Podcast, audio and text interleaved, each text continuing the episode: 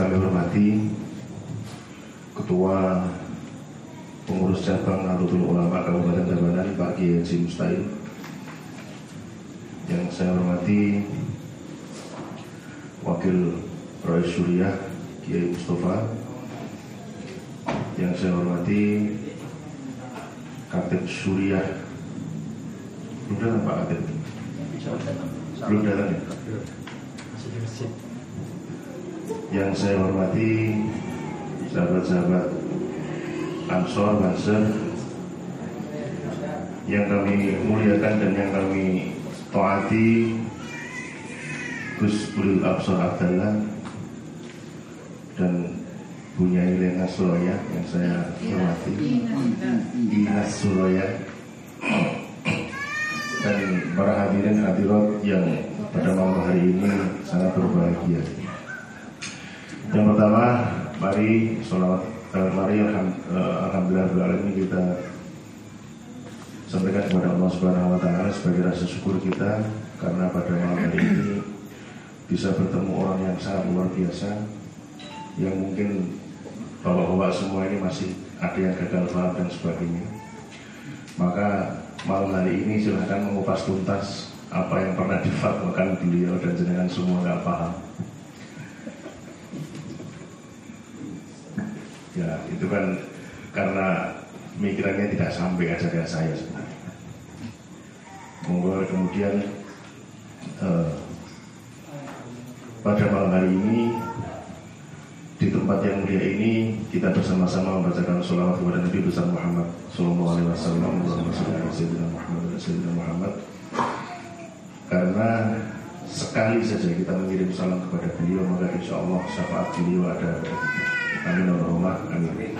Bapak Ibu yang saya hormati, tidak lama-lama uh, acara yang pertama kita buka dengan Fatihah, yang kedua sambutan tuan rumah atau pengasuh pesantren, yang ketiga langsung uh, kajian ihya yang inti saja, kepeningnya Pak Gus, yang inti saja uh, yang pokok-pokok saja, kemudian habis itu diisi dengan beberapa tanya jawab. Uh, Waktu di sini bebas, Gus kalau mau sampai jam 1 boleh, jam 2 boleh. Neng renasnya kami ini ngantuk orang enggak. di sini bebas, tidak tidak kayak di tempat lain karena di Tabanan ini pemenang Harmoni Award di Indonesia. Oh gitu ya. Jadi di sini ini heterogennya sangat dirangkul sama Ibu Bupati di sini. Maka Ansor, Banser, NU punya tempat tersendiri di sini. Maka kita di sini bebas. Monggo Bapak Ibu sekalian kita buka acara ini dengan bacaan umur kitab agar lancarnya acara ini. Ada niyatina wa niyatikum al-fatihah.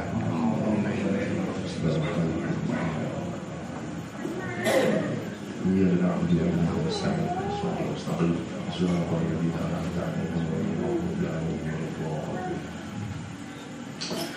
Acara yang kedua sambutan pengasuh pondok pesantren Ariyat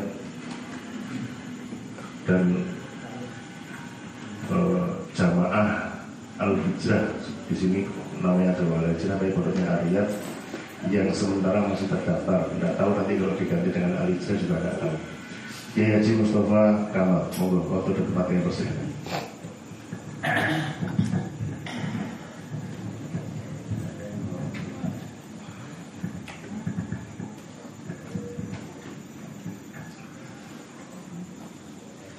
Bismillahirrahmanirrahim.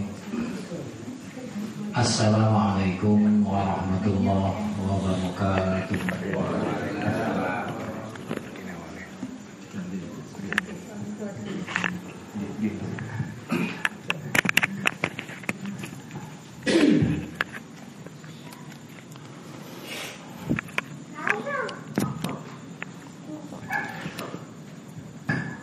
Hamdan wa syukron lillah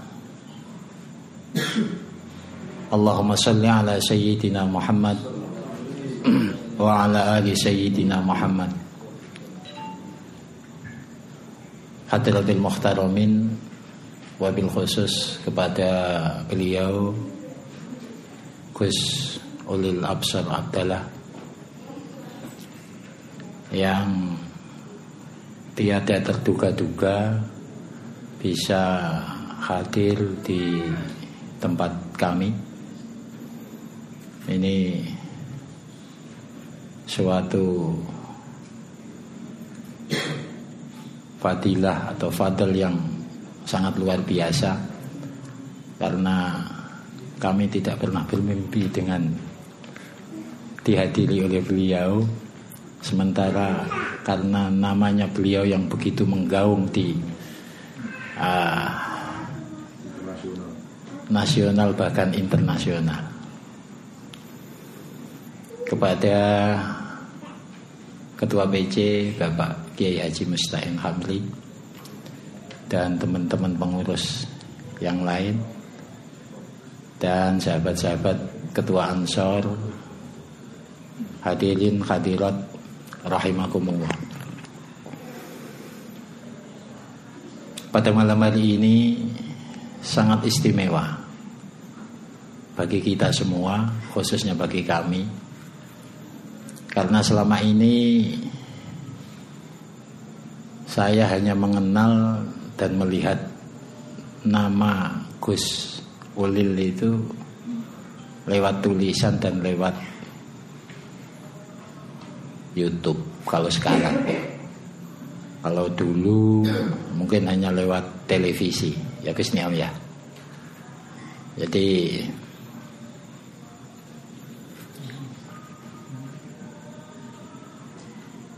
bagi teman-teman mungkin yang seangkatan dengan saya itu insya Allah nama beliau sudah tidak asing. Karena seperti yang disampaikan oleh Gus Niam pemikiran-pemikiran beliau yang memang bagi kalangan santri itu ya sangat melejit. Dan alhamdulillah kok akhirnya beliau bisa pulang kembali ke rumah aslinya. Kalau saya tidak salah uh, mengutip dari apa yang pernah didawuhkan Mbah Sahal Mahfud itu anak yang hilang kembali pulang. Kalau tidak salah. Dan itu istilah beliau. Dan dalam terminologi uh, apa almarhum Kiai Hasim Muzadi uh, paham yang dibawa beliau jil itu di Indonesia dibilang setengah kafir. Nah, kalau di Amerika kafir yang belum jadi. Itu terminologinya Yai Hasim Muzadi Allahumma yarham. Kalau kita me, apa, meminjam istilah beliau. Nah, malam hari ini kalau kita mengkaji ihya, ya insya Allah hanya dapat poin-poinnya saja. Tapi lebih baik ihya-nya nanti diambil sedikit saja, Gus. Nah, nanti biar teman-teman ini yang muda-muda itu lebih paham terhadap jenengan biar nanti pikirannya juga bisa menerawang jauh ke depan sehingga paling tidak langkah-langkah jenengan itu nanti bisa ditiru oleh generasi-generasi penerus. Begitu kira-kira. Maksudnya kembalinya itu, gitu. kembalinya itu. Mungkin itu saja sebagai pembuka dan rasa bahagia kami bertemu dengan beliau. Semoga ini bukan satu-satunya pertemuan dengan beliau. Eh, ke depan semoga beliau diberikan umur yang panjang, sehat, sehingga bisa memberi lebih memberi kiprah kepada uh, Nahdlatul Ulama secara umum. Demikian mungkin yang bisa kami sampaikan. Kurang lebihnya mohon maaf. Wabillahi taufiq wal hidayah wal afu minkum. Wassalamualaikum warahmatullahi wabarakatuh.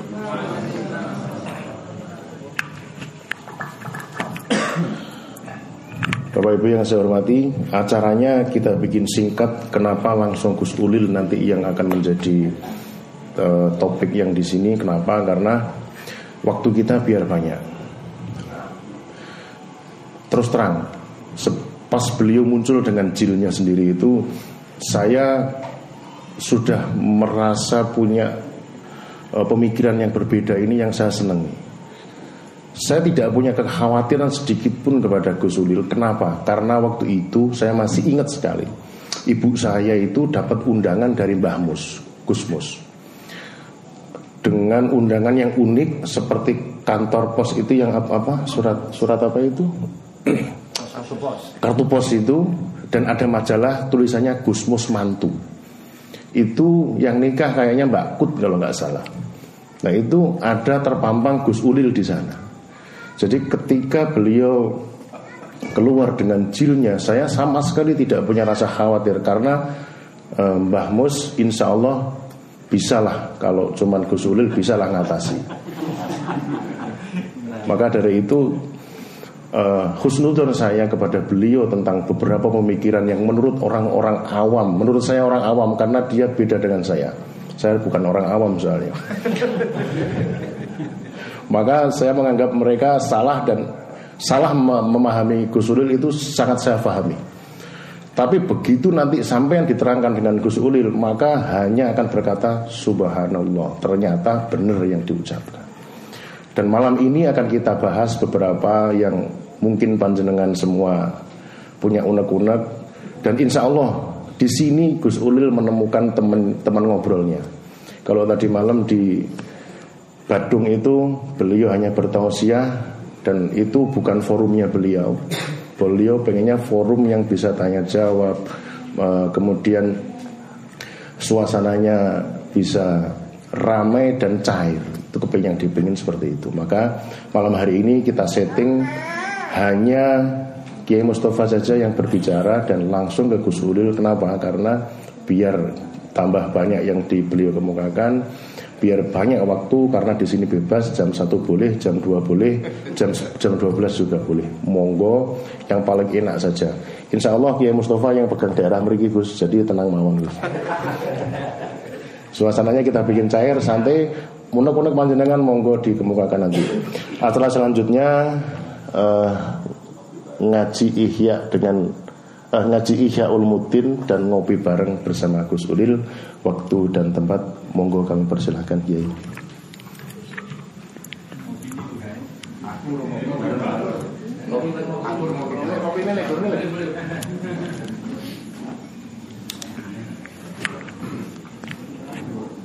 Non sewu Ki Mustafa. Monggo.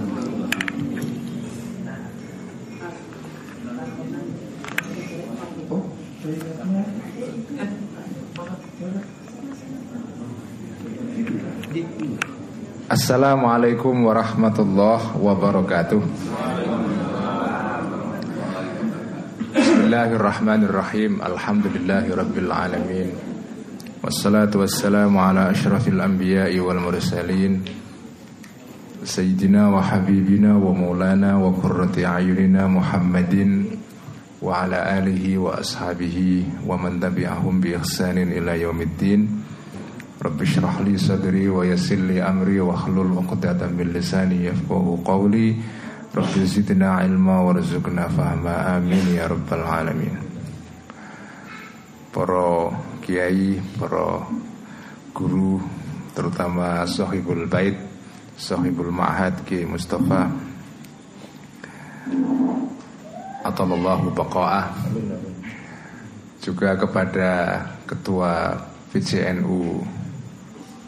Tabanan nih.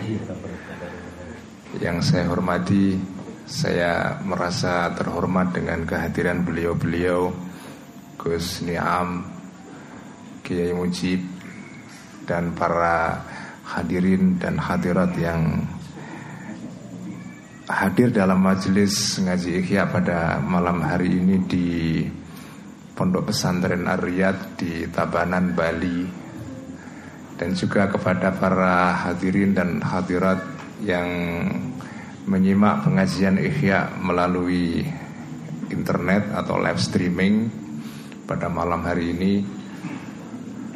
Pertama-tama saya menyampaikan terima kasih yang sebesar-besarnya karena diberikan majelis ini untuk berbagi ilmu di Bali. Ini adalah pertama kali saya ngaji ikhya di Pulau Bali. Yang pertama kali dan semoga bukan yang terakhir kali.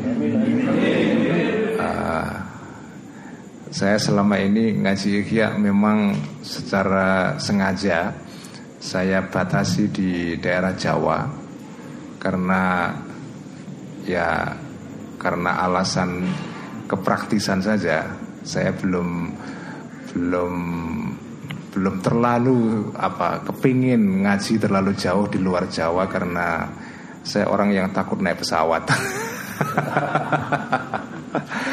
Jadi saya prioritaskan di Jawa saja. Jadi saya ngaji di luar Jawa mungkin baru kedua kali ini. Pertama di Lombok uh, bulan yang lalu dan sekarang di Bali ya. Jadi ini baru kedua kali saya ngaji di luar Jawa.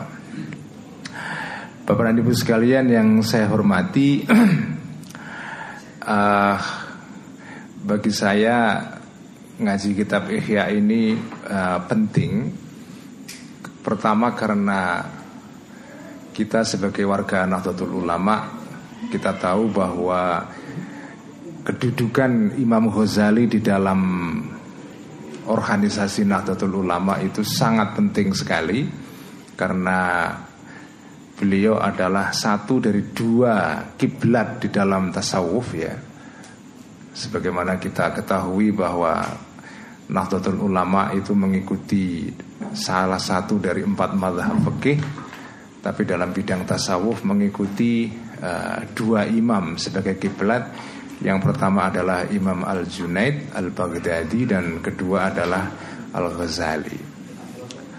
Dan Al-Ghazali ini tidak secara kebetulan dijadikan sebagai kiblat oleh para warga Nahdlatul Ulama dalam bidang tasawuf karena Al-Ghazali ini memang berhasil memadukan antara ilmu zohir dengan ilmu batin antara syariat dengan hakikat, antara ilmunya Nabi Musa dan ilmu Nabi Khidir itu kalau istilah apa Kiai Mujib ini ya. Jadi Al Ghazali itu seorang ulama, kiai dan sarjana besar yang sukses membuat satu harmonisasi atau mendamaikan antara ilmu zahir dengan ilmu batin ini. Dan Al-Ghazali itu mengalami satu perjalanan hidup yang sangat menarik sekali. Karena beliau ini pada usia sampai umur kira-kira 35-36 tahun Itu adalah orang yang sangat aktif di dalam kehidupan masyarakat ya. Beliau mengajar, beliau menjadi penasehat Perdana Menteri uh, Nizamul Mulk pada saat itu ya kalau sekarang kira-kira one team press begitu terlibat dalam kehidupan masyarakat secara aktif ya. Terlibat organisasi dan dikenal sebagai salah satu ulama yang juga ahli debat ya. Juga kontroversial ya. Um, ulama yang terlibat dalam banyak polemik dan perdebatan dengan kelompok-kelompok yang uh, berseberangan dengan beliau ya. Beliau juga mengulis, menulis buku-buku yang berisi tentang apa polemik ya perdebatan itu. Tetapi setelah umur 35 atau 36 tahun Al-Ghazali itu kemudian mengalami satu perubahan yang dahsyat sekali. Beliau meninggalkan seluruh aktivitas publiknya itu. Kemudian beliau uzlah ya, melakukan meditasi hampir 10 tahun ya dan di ujung beliau meditasi itulah lahir kitab Ihya ini. Jadi kitab Ihya ini sebetulnya kitab yang lahir pada periode ketika Al-Ghazali ini memang sudah sepuh sebetulnya. Karena itu kitab Ihya ini memang kitab yang disenangi orang-orang tua, ya, orang-orang sepuh itu. Nah, Tetapi saya justru mencoba untuk membawa kitab Ihya ini bukan kepada kalangan sepuh, tapi kepada kalangan anak-anak muda. Jadi ini berbalikan sekali dengan sejarah lahirnya kitab Ihya. Kitab Ihya itu lahir pada periode Al-Ghazali sudah matang sekali sebagai seorang sarjana, kiai dan manusia ya. Uh, dan kitabnya memang kitab sepuh sebetulnya. Karena itu di pesantren kitab Ihya itu hanya dikaji kalau sudah sudah mau pulang pulang boyongan.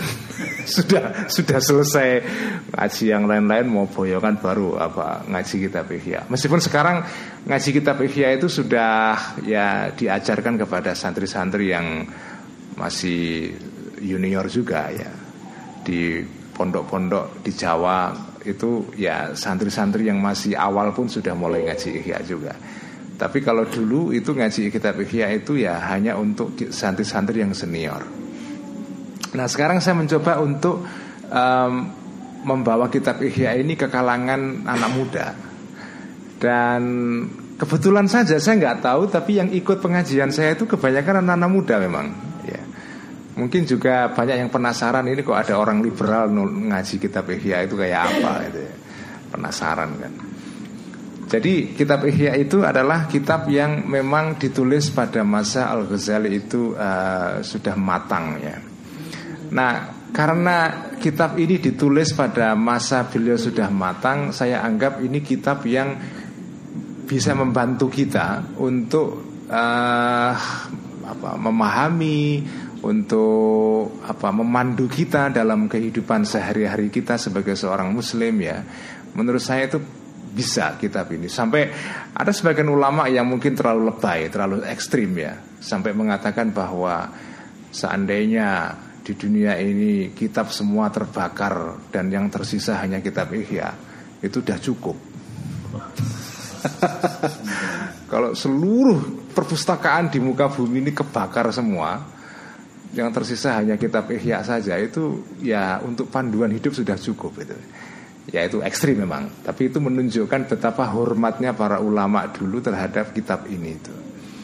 Nah, saya malam ini um, akan mengajak para hadirin di sini dan juga teman-teman yang ikut ngaji ikhya di live streaming ya. Saya biasanya ngaji ikhya itu Ki Mustafa itu ngaji urut. Um, seperti di pondok itu loh, ngaji secara tekstual, dibaca kata per kata, paragraf paragraf ya, ya ala pesantren. Karena sengaja saya kepingin mengenalkan kepada publik di Indonesia tentang cara belajar Islam yang seperti ini. Tidak semua orang tahu bahwa ada cara belajar seperti ini. Mengkaji satu kitab, dibaca secara kata per kata, difahami secara mendalam, ya, difahami maknanya per kata, tapi juga dipahami sebagai kalimat. Kemudian dikaitkan dengan masalah-masalah yang dihadapi oleh masyarakat sekarang. Itu bagi saya suatu tradisi yang berharga sekali. Dan itu hanya ada di NU hanya ada di NU itu. Tradisi membaca kitab secara uh, pelan-pelan. Dan ini juga sekaligus mengajari kita dalam belajar agama itu sabar ya kan? Tidak langsung buat apa kilatan kalau zaman sekarang itu kan gitu apa. Uh, belajar Quran dalam satu minggu kan begitu. Sekarang kan jualannya itu belajar agama dengan cepat. Dengan kilat itu. Ya hasilnya ya Ya seperti itu ya. Kilatan itu ya. Ya karbitan ya. Bikin mules perut itu kan. Nah ini kita belajar agama seperti yang dikenalkan dalam pesantren itu Belajar secara pelan-pelan ya. Dan kadang-kadang hatam gak terlalu penting kalau bisa hatam alhamdulillah enggak enggak masalah. Tapi yang penting belajar secara pelan-pelan itu. Nah malam ini saya ngajak uh, para hadirin di sini ngaji kitab Ihya. Enggak mungkin dikaji semua ya. Kitab Ihya itu kalau di pesantren dulu kakek saya ngaji itu sampai 18 tahun baru hatam. Padahal setiap hari ngajinya. Tapi gurunya kakek saya ngaji Ihya itu cuma tiga tahun hatam. Jadi ada kiai yang bisa ngaji dalam waktu cepat ada yang ngaji lambat sekali. Nah, jadi saya nggak akan ngaji kitab fikih ini secara keseluruhan nggak mungkin. Tapi saya hanya mengambil petikan saja. Nah biasanya setiap saya ngaji kia itu seminggu sekali, uh, Mas Musib ya, malam Jumat gitu. Dan urut, sebetulnya saya ngaji kia, yang mingguannya itu berbicara mengenai tema yang agak sedikit serem, yaitu tentang uh, tentang keutamaan lapar. Ah, ini kalau saya di Bali ngaji soal lapar nih kok agaknya kurang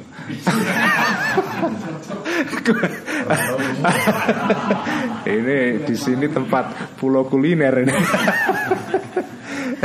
saya ngaji kitab Ihya soal lapar ini kan uh, gimana? Ya, tapi saya memang malam ini karena ini sebetulnya ngaji kayak yang di luar jadwal rutin, maka malam ini saya sengaja ambilkan tema yang lain ya, bukan tema soal kelapar dan kelaparan ya. Tapi malam ini saya akan belajar eh, tema tentang lapar itu ada di kitab Ihya jilid ketiga. Karena Ihya itu empat jilid ya. Itu jilid ketiga. Nah, tema yang akan saya baca malam ini itu ada di jilid pertama. Yaitu jilid yang ber, berbicara mengenai soal ibadah, tapi jilid pertama dalam kitab Ihya itu dibuka. Ini yang bagi saya menarik sekali.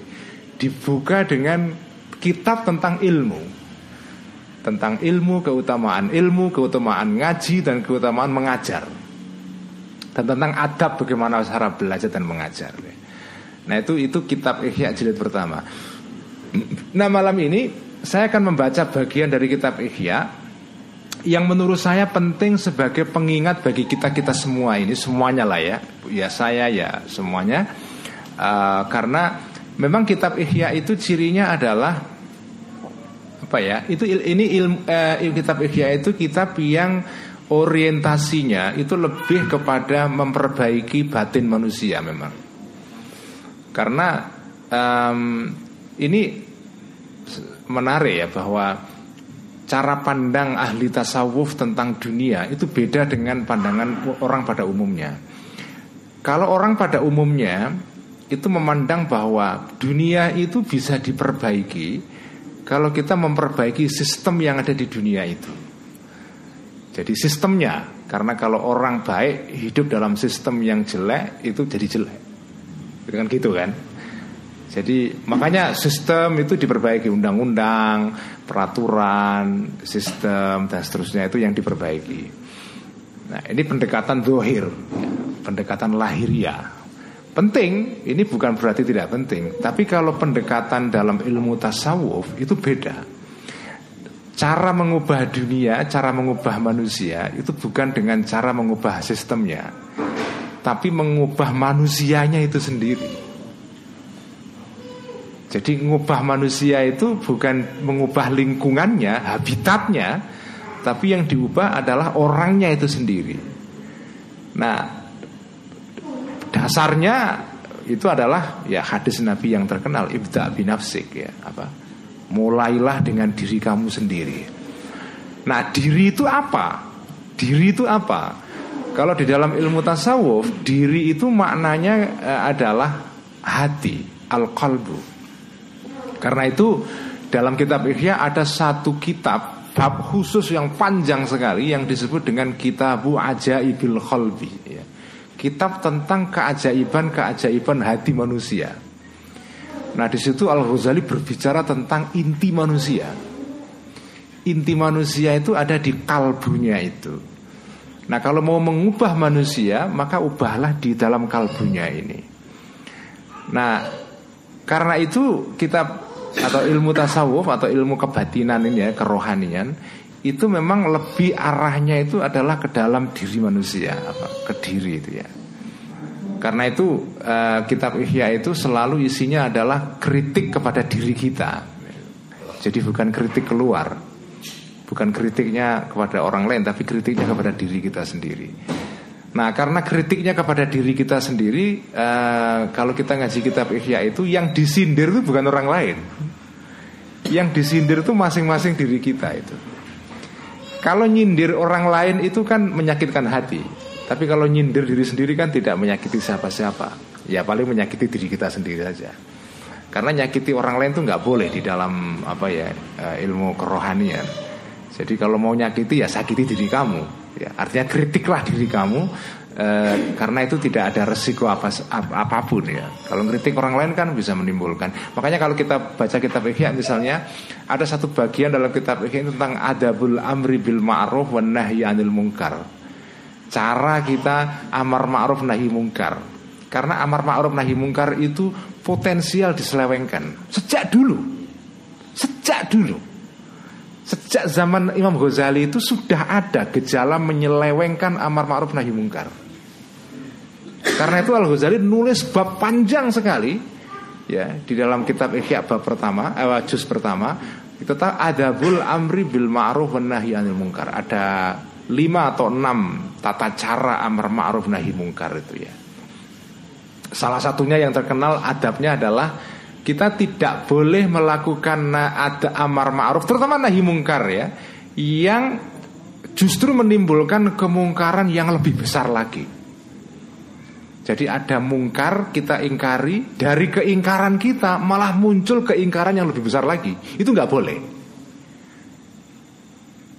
Karena memang pada pada zaman Al Ghazali sendiri itu sudah ada gejala orang ingkar terhadap mungkar dari keingkarannya malah muncul keingkaran yang lebih besar. Kekacauan sosial misalnya. Ya. Mungkar yang kecil tidak selesai malah muncul mungkar yang lebih gede. Akhirnya rusak tatanan itu. Itu nggak boleh itu. Ya, termasuk adabnya lagi adalah kita tidak boleh mengingkari sesuatu yang itu masih diikhtilafi, masih diperselisihkan. Misalnya nggak boleh orang ing amar eh, nahi mungkar terhadap misalnya tahlil itu nggak boleh. Karena tahlil itu posisinya masih diperselisihkan apakah boleh atau tidak. Kan ada yang berpendapat ini uh, tidak bid'ah. Ada yang mengatakan bid'ah. Kalau kamu ngingkari tahlil itu menyalahi adab dalam kitab Ihya. Karena kedudukan tahlil sebagai satu amalan itu masih diperselisihkan. Kamu boleh ingkar tapi terhadap sesuatu yang sudah mutafak alaih. Yang sudah disepakati semua ulama ini haram. Nah, itu boleh. Itu pun caranya tidak boleh tadi itu, nggak boleh menimbulkan keingkaran yang menimbulkan mungkar yang lebih besar itu. Nah itu um, bagi saya Imam Ghazali ini um, apa ya uh, kitab Ihya-nya ini penting sekali karena mendudukkan pemahaman-pemahaman tentang keagamaan itu secara proporsional ya. Nah malam ini Bapak dan Ibu sekalian saya akan baca bagian kitab Ihya yang isinya kritik terhadap diri kita sebetulnya ya. Yaitu tentang uh, ini berbicara mengenai orang-orang yang mencari ilmu sebetulnya ya karena ini bab tentang ilmu ya Eh, tentang mencari ilmu dan nanti coba nanti kita kita resapi ya. Dan saya kira saya juga baca ini juga belajar banyak sebetulnya. Karena saya ngaji kitab Ihya itu sebetulnya lebih untuk mengingatkan diri saya. Yang lain-lain dengar saja. Uh, kalau ada yang mendengarkan alhamdulillah kalau enggak ya nggak apa-apa. Tapi ini untuk menasehati diri saya sebetulnya ya. Nah sebelum kita mulai kita hadiahkan dulu Al-Fatihah kepada Al-Ghazali Pengarang kitab Ihya ini dan juga kita hadiahkan kepada pendiri Jamiah Nahdlatul Ulama kepada pendiri Jamiah semua Jamiah Islam di Indonesia kepada pendiri negara Indonesia kepada para penyebar Islam di Pulau Bali para tokoh-tokoh di sini para wali-wali para orang soleh para guru-guru kita orang-orang tua kita saudara-saudara kita yang sudah mendahului kita semua. Lahumul fatihah أعوذ بالله من الشيطان الرجيم بسم الله الرحمن الرحيم الحمد لله رب العالمين الرحمن الرحيم مالك يوم الدين إياك نعبد وإياك نستعين اهدنا الصراط المستقيم صراط الذين أنعمت عليهم غير المغضوب عليهم ولا الضالين آمين بسم الله الرحمن الرحيم قال المؤلف رحمه الله تعالى ونفعنا به وبعلومه في الدارين آمين Ini kan sudah ada teks semua ya Ya supaya teksnya nggak sia-sia dibagikan kita bacalah Bismillahirrahmanirrahim Ini bab tentang apa itu Tentang ilmu ada di halaman 41 ya eh, eh, Di apa sub bab yang bunyinya adalah Bayanu ma buddila min alfazil ulumi ya. Ini adalah keterangan tentang sesuatu buddila yang diubah min alfazil umumi dari lafal laf, min laf, alfazil ulumi dari lafal-lafal yang terkait dengan ilmu ya. Mari kita baca uh, keterangan Al-Ghazali ini. Ya alam ketahuilah anna man sya'al anna man sya'al tibasil ulumi sesungguhnya sumber dari samarnya atau keserupaannya ilmu-ilmu al-madhmumati yang tercela bil ulumi dengan ilmu-ilmu asyariyati yang bersifat keagamaan. Kenapa ada orang yang samar mencampur aduk ilmu yang bersifat agama, yang ilmu yang baik dicampur adukkan dijumbuhkan dengan ilmu yang tercela adalah tahriful asami ya sumbernya adalah tahriful asami mengubah nama-nama al mahmudati yang terpuji watabdiluha dan mengganti al asami tadi itu wanakluha dan memindahkan nama-nama tadi itu bil agrodi dengan motif-motif tujuan-tujuan al fasidati yang rusak yang yang yang jahat ila ma'anin diubah kepada makna atau pengertian-pengertian ghairima selain makna-makna arada yang menghendakihu kepada makna tadi as-salafu orang-orang salaf orang-orang zaman dahulu as-salihu yang soleh wal qarnul awalu dan generasi pertama dalam Islam yaitu generasi para sahabat ya. Nah, apa nama-nama ilmu yang diselewengkan atau diubah pengertiannya itu? Wahia dan al asami tadi nama-nama tadi. Satu al fadin ada lima nama. Pertama al fikhu adalah fikih. Ini pertama yang diselewengkan pengertian tentang fikih itu. Wal ilmu dan ilmu ilmu itu sendiri. Wat tauhidu dan tauhid ya. Wat tazkiru dan tazkir zikir dan mengingatkan orang lain. Wal hikmah itu dan hikmah. Ini lima pengertian tentang sesuatu yang semula maknanya baik, tapi karena diubah pengertiannya jadi jelek. Tapi orang nggak ngerti kalau sudah berubah pengertiannya. Dia masih terpaku pada nama yang baik itu, padahal sudah diubah pengertiannya. Ini menurut saya ini ajaran penting sekali mengingatkan kita bahwa jangan terpukau dengan nama. Ada orang yang membawa nama misalnya fikih, tapi sebetulnya di baliknya itu tidak fikih sebetulnya. Nah, ini bagusnya belajar ilmu tasawuf itu adalah kita belajar tidak hanya memahami sesuatu yang di permukaan, tapi sampai ke ke dalam.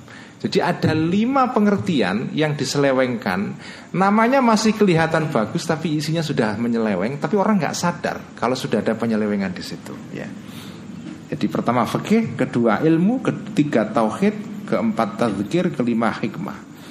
Fahadhi maki ini semua lima tadi Asamin adalah nama-nama Mahmudatun yang terpuji Wal muttasifuna dan orang-orang yang mempunyai sifat biha dengan nama-nama tadi adalah arbabul manasibi, orang-orang yang punya kedudukan ya, fiddin dalam agama, punya kehormatan kedudukan dalam agama.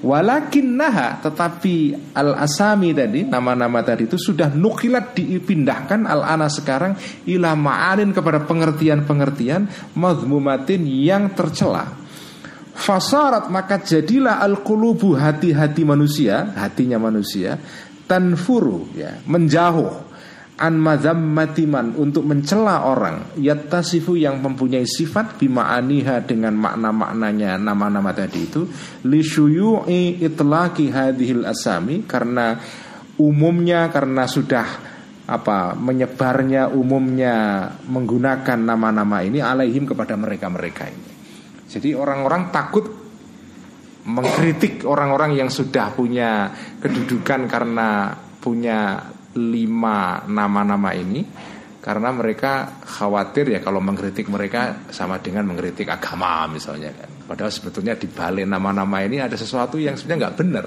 ya. Jadi orang takut karena sudah ada nama besar yang kemudian membuat mereka jadi takut untuk uh, apa mengkritik itu. Ini gara-gara ini antara lain Al-Ghazali itu pernah kitabnya di fatwa dibakar. Jadi kitab Ihya ini bukan kitab kitab yang fine-fine saja kalau sekarang itu ya. Dulu kitab Ihya itu kira-kira enam tahun setelah diter, di, diluncurkan oleh Al-Ghazali itu pernah difatwa oleh seorang kodi di daerah Spanyol di Andalusia dianggap kitab yang sesat. Disesatkan dan dibakar di tengah-tengah alun-alun kota secara demonstratif. Jadi orang yang kita anggap dalam NU sebagai kiblat tasawuf Al-Ghazali ini jangan dikira orang ini tidak pernah disesatkan. Pernah disesatkan dan bukunya itu dibakar di tengah-tengah alun-alun kota. Dan dari situ muncul cerita tentang Al-Ghazali dan ulama yang memfatwa sesat ini ketemu anjing Nabi dalam mimpi ya. Dan kisahnya lain lagi nanti ya. Tapi itu itu itu. Jadi pernah jadi terjadi ke kejadian kitab Ihya ini difatwa sesat oleh majelis ulama ketika itu. Ya, oleh MU-nya, MUI-nya Spanyol. Pernah itu disesatkan itu dan dibakar itu ya. Nah, Antara lain karena ini, karena Al Ghazali ini melakukan kritik terhadap diri sendiri. Jadi Al Ghazali ini kan dikenalnya selama ini sebagai orang yang mengkritik filsafat, ya, menulis pernah nulis buku yang mengkritik filsafat ya, Tahafutul Falasifah. Tapi kitab Ihya itu sebetulnya banyak berisi kritik internal, kritik kepada diri sendiri ya. Nah salah satunya kritik kepada profesi yang pernah dijalani sendiri oleh Al Ghazali. Imam Ghazali itu kan dulu sebagai orang yang dikenal sebagai ahli fikih. Bahkan dianggap sebagai ulama fikih yang mungkin termasuk paling penting di dalam madhab syafi'i itu adalah Imam Ghazali ya. Dan kitabnya itu menjadi sat, menjadi dasar dari kitab-kitab fikih yang dipelajari di pondok pesantren sekarang ya kitab seperti Anatul Tolibin, seperti Minhajul Tulab, seperti Fathul Wahab itu semua dulunya sumbernya adalah dari kitabnya Al Ghazali namanya Al Wajiz gitu ya itu diringkaskan, disarai, dihasiai, itu di, yang sekarang kemudian dikaji di pondok-pondok itu sumbernya Al Ghazali. Jadi Al Ghazali dulu itu pernah menjadi ya belajar kitab fikih sampai mencapai tahapan yang tertinggi sekali. Tapi Al Ghazali juga menyadari bahwa belajar ilmu agama seperti fikih itu bisa mengandung jebakan juga. Nah ini yang akan diterangkan di sini ya. Sekarang kita bahas ini. Ya. Al-lafzul awalu, lafal yang pertama yaitu fikih ini. Al-fiqh adalah fikih. Fakat tasarrufu maka telah mengubah atau berbuat orang-orang ya orang-orang yang belajar fikih ini manusia fihi di dalam ilmu fikih bitaksisi dengan cara diberikan kekhususan makna. La bin nakli bukan dengan cara mengubah atau memindahkan maknanya buat takwili dan mengubah maknanya. Cuma diberikan makna yang khusus ya. Kenapa demikian? Idh karena memberikan kekhususan orang-orang yang belajar ilmu fikih ini. Hu kepada fikih bima arifatil furu'i dengan cara dimengerti sebagai mengetahui cabang-cabang ilmu di dalam ilmu fikih. Al gharibati yang aneh fil fatawi di dalam fatwa-fatwa. Wal wukufi dan mengetahui ala daqaiqi ilaliha terhadap uh, makna-makna yang tersembunyi dari elat-elatnya atau alasan-alasannya fatwa tadi. Wastiktsaril kalami dan memperbanyak omongan fiha dalam fatwa dalam fatwa-fatwa. Wahifzil maqalati dan menghafal pendapat-pendapat ya. Al muta'alliqati yang berhubungan fiha dengan fatwa tadi itu. Faman maka barang siapa karena yang ada asyadda lebih apa lebih lebih mendalam lebih ta'amukon pendalamannya fiha di dalam al-maqalat pendapat-pendapat tadi itu wa aktsaro dan lebih banyak istigholan kesibukannya atau pendalamannya pencariannya fiha terhadap maqalat tadi maka yuqalu akan disebut orang tadi huwa orang tadi al afqahu orang yang paling ngerti fikih jadi ini pertama ya, makna yang diselewengkan atau didistorsi, di apa ya, diubah maknanya itu adalah pengertian tentang fikih. Fikih ini kan ilmu yang paling menjadi primadona di pondok pesantren NU. Barang siapa ngaji di pondok ya pasti ngaji fikih ya. Dan memang ya fikih ini nggak bisa terhindarkan karena ilmu ini ilmu yang dibutuhkan manusia untuk ibadah ya. Semua kan kita nggak mungkin ibadah kalau nggak pakai fikih itu. Nah cuma Imam Ghazali ini mencoba untuk menunjukkan bahwa pengertian fikih ini mula-mula itu maknanya tidak seperti yang kita mengerti sekarang. Tiba-tiba kemudian diubah pengertiannya ini. Ya. Dulunya fikih itu maknanya adalah bukan seperti yang kita mengerti sekarang. Sekarang ini kan fikih itu identik dengan fatwa, ya kan? Bahtul masail itu kan kalau di NU kan apa dengan kitab takrib, dengan kitab Fathul Wahab, Fathul Mu'in tentang hukum, barang siapa menguasai tentang pendapat-pendapat madhab yang berbeda-beda mengenai sesuatu, maka itulah yang disebut sebagai ahli fikih. Punya pengetahuan tentang hukum itu membuat seseorang menjadi orang yang ahli fikih. Itu makna fikih sekarang. Ya. Padahal itu bukan makna fikih dulu ketika kata itu pertama kali dipakai pada zaman sahabat. Nah sekarang kita baca bagaimana pengertian fikih dulu pertama itu ya. Walakot kana dan ada ismul fikih makna fikih itu fil asril awali di dalam masa yang pertama mutlakon diucapkan ala ilmi torikil akhirati kepada ilmu tentang jalan kepada akhirat wa ma'rifati daqaiki afatin nufusi dan pengetahuan tentang detail-detail renek-renek penyakit-penyakit hati atau jiwa manusia wa mufsidatil a'mali dan hal-hal yang merusak amal. Jadi dulu dulu sebelum ada sekolahan, sebelum ada fakultas syariah sekarang itu ya. Fikih itu dulu maknanya adalah ilmu tentang hati manusia. Jadi ketika dalam Al-Qur'an disebutkan falaula nafara min kulli firqatin uh, minhum apa? Falaula nafara min kulli firqatin minhum liyatafaqahu fid dini wal yunziru qaumahum idza raja'u ilaihim. Liyatafaqahu di situ itu maknanya bukan semata-mata ngaji fikih dalam pengertian kita sekarang, tapi sebetulnya ngaji tentang jalan bagaimana kita sampai kepada akhirat nanti dengan selamat. Fikih itu salah satu unsur saja, tapi bukan satu-satunya sebetulnya.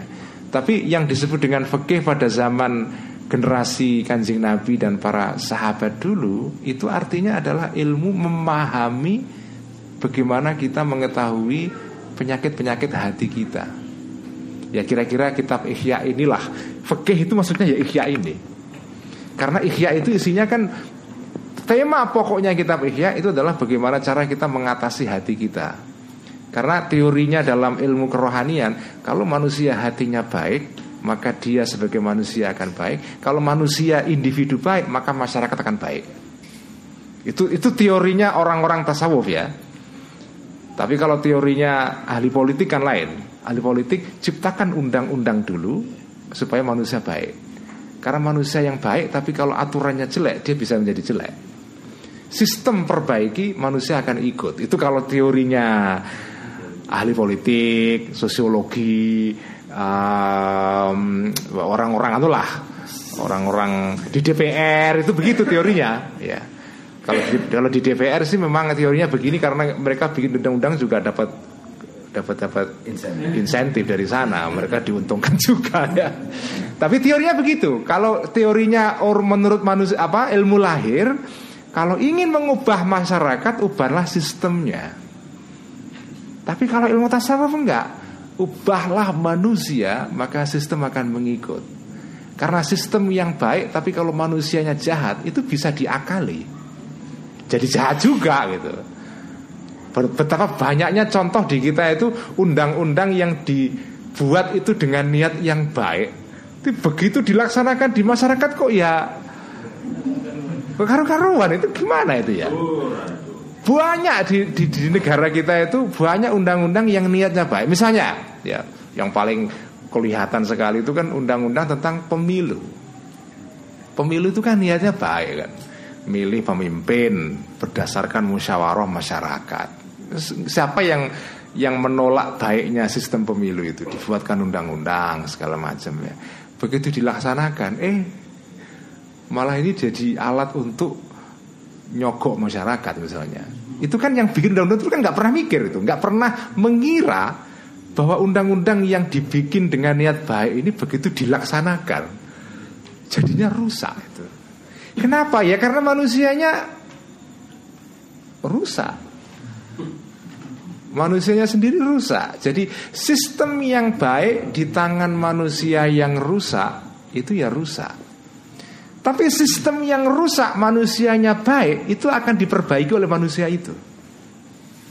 Itu teorinya orang tasawuf ya. Ya itu sesuai dengan hadis Nabi itu ala fil ala inna fil jasadi mudghatan idza saluhat saluhal jasadu kullu wa idza fasadat fasadal jasadu kullu. Ingatlah bahwa dalam diri manusia itu ada segumpal darah yang kalau itu kita perbaiki seluruh manusia jadi seluruh manusianya akan baik. Kalau rusak ya rusak semua manusianya itu. Itu teori tasawuf ya. Jadi teori tasawuf adalah teori yang mengatakan bahwa perubahan itu dimulai dari orang per orang. Nah sekarang pertanyaannya, apakah dengan demikian mengubah sistem itu jadi nggak penting? Nggak juga. Jadi Dua-duanya penting ya. Pendekatan sistem itu juga perlu, tapi orang yang terkecoh dengan sistem saja mengira bahwa membuat undang-undang yang baik itu akan mengubah masyarakat Indonesia itu juga keliru. Nah, di sini kita pentingnya apa ya melihat sesuatu secara proporsional tugas membuat sistem yang baik itu ya tugasnya teman-teman kita yang di DPR, ya kan? Bikin undang-undang segala macam. Kita pemilu itu kan untuk memilih mereka. Tugas mengubah manusia orang per orang ini ya tugasnya para kiai. Di pondok pesantren, di sekolahan, pendidik itu semua tugasnya adalah mengubah orang per orang. Nah, dua-duanya penting ya. Baik ilmu kerohanian tasawuf yang pendekatannya mengubah pribadi itu penting, mengubah sistem juga penting. Jangan saling poyok-poyokan apa uh, apa itu me, mencerca ya. Wah, yang paling penting itu kami, kami yang paling ber apa ya, yang yang di DPR menepuk dada. Kami yang punya kontribusi besar untuk memperbaiki Indonesia. Kiai-kiai itu apa nggak penting itu. Ngaji di pondok nggak jelas itu. Paling santri itu berapa? Ngaji paling santri 100 itu kan. Tapi kalau DPR kan undang-undang itu sak Indonesia. Ya kan? Langsung 250 juta orang yang terkena dampaknya.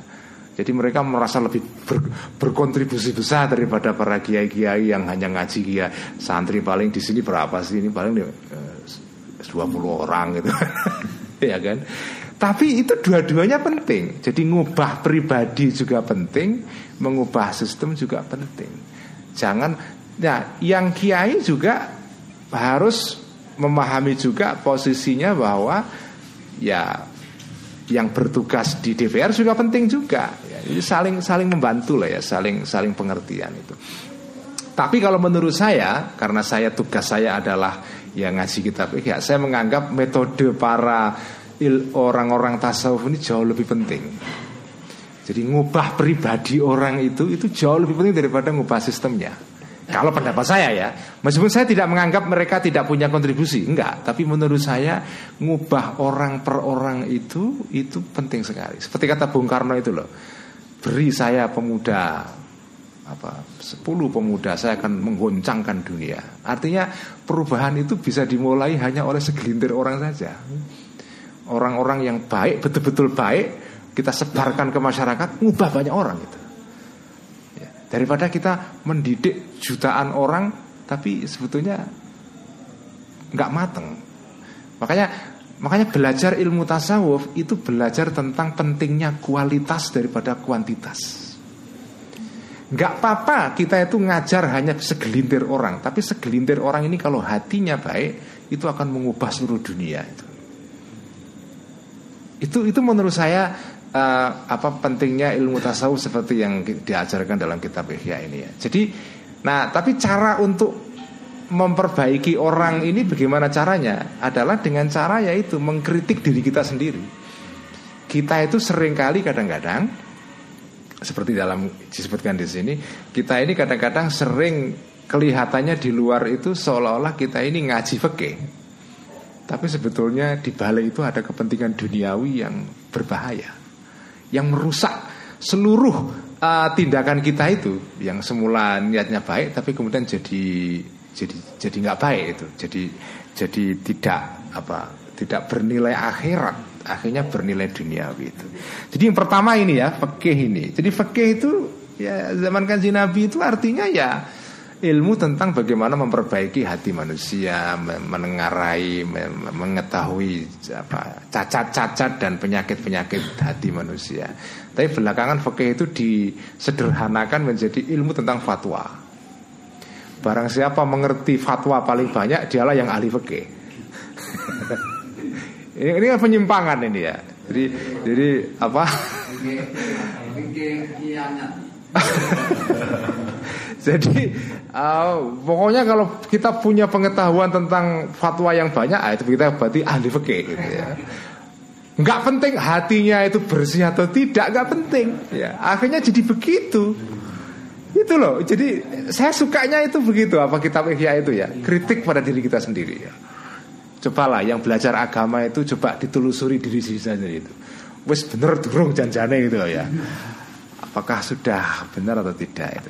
Dan ini kan sebetulnya ya saya sendiri ngaji ihya ini juga apakah betul ngaji ihya saya ini untuk benar-benar untuk mengajarkan ihya atau sekedar untuk biar jalan-jalan misalnya kan. Nah, kita nggak tahu juga. Makanya saya ini juga kritik pada saya juga. Saya ngaji ihya itu tertampar terus sebetulnya. Ketampar terus saya itu. Waduh ini berat ya. Tapi nggak apa-apa. Yang nampar Al Imam Ghazali nggak apa-apa lah ya. Kita ditampar ulama besar kan, nggak apa-apa itu ya. Ini ini ini penting. Jadi malam ini kita siap ditampar oleh Al Ghazali ini. Jadi itu ya. Jadi fakih itu dulu zaman kanji Nabi itu artinya bukan belajar fakih dalam pengertian, yaitu juga tapi bukan itu. Intinya fakih itu bagaimana kita memahami jalan menuju kepada Tuhan. Ke akhirat. Dan mengetahui tentang penyakit-penyakit hati itu. Itu fakih itu. Uh, Jadi itu. Wa kuwatil ihatati dan kekuatan mengetahui bihakarati dunia dengan hinanya dunia. Fakih itu artinya adalah termasuk mengetahui dunia itu Dunia itu sepele Dunia itu hina bukan tujuan kita. Seperti doanya kan Nabi itu yang terkenal tuh ya. Wala taj'alid dunya akbar hammina wala mablagha ilmina. Ya, jangan jadikanlah Gusti Allah jangan jadikanlah dunia itu sebagai mablagha ilmina, menjadi tujuan pengetahuan kita dan bukan menjadi ya, apa akbar hamina, tidak menjadi tujuan pokok kita dalam hidup ini ya. Hanya wasilah saja ya wasyiddati ta'alluq ta'atatallu'i dan kuatnya apa ya kuatnya uh, rindu atau ya kerinduan ila naimil akhirati kepada nikmatnya akhirat wastila'il khaufi dan menguasainya rasa takut ya alal qalbi kepada hati manusia. Jadi fikih itu anaknya itu ya. Fikih artinya adalah ilmu mengetahui jalan kepada akhirat mengetahui tentang detik, detil-detil, renek-renek penyakit hati yang merusak amal kita, mengetahui tentang kehinaan dunia dan kerinduan kita kepada kehidupan di akhirat nanti. Itulah fakih. Jadi intinya fakih itu adalah ya ilmu yang membuat kita kemudian apa ya melihat dunia ini itu bukan utama. Yang utama adalah di sana. Wayadullu dan menunjukkan ka kepada engkau alaihi kepada pengertian seperti ini? Qauluhu azza wa jalla. Ya firman Allah azza wa jalla liyatafaqahu fid dini wa liyunziru qaumahum idza raja'u ilaihim. Ya ayatnya itu kan itu jadi ayatnya itu kan dulu zaman kajian Nabi itu kan karena umat Islam itu masih sedang membangun masyarakat dan terancam dari kanan kirinya jadi semua energi masyarakat itu kan ditumpahkan untuk perang. Untuk mempertahankan diri sebetulnya. Tapi diingatkan oleh Gusti Allah Jangan semuanya perang. Ada satu dua orang yang tidak perang ya falaulana faromingkul lifirqatin minhum ta'ifatun. Ada sekelompok orang yang tidak ikut perang tapi ngaji. Liyatafaqahu fid ini supaya mereka menjadi tahu fid dalam urusan agama Pertama, tapi yang tujuan yang paling penting waliyun ziru dan supaya memberikan peringatan men, Indar itu memperingat, memperingati atau menakut-nakuti ya orang-orang tadi kaum mahum kepada masyarakat mereka idza rajau ketika mereka pulang ilaihim kepada kaumnya itu. Nah, oleh Imam Ghazali kata waliyun ziru itu ditafsirkan begini. Ini dalam surat At-Taubah itu ya ayat 122.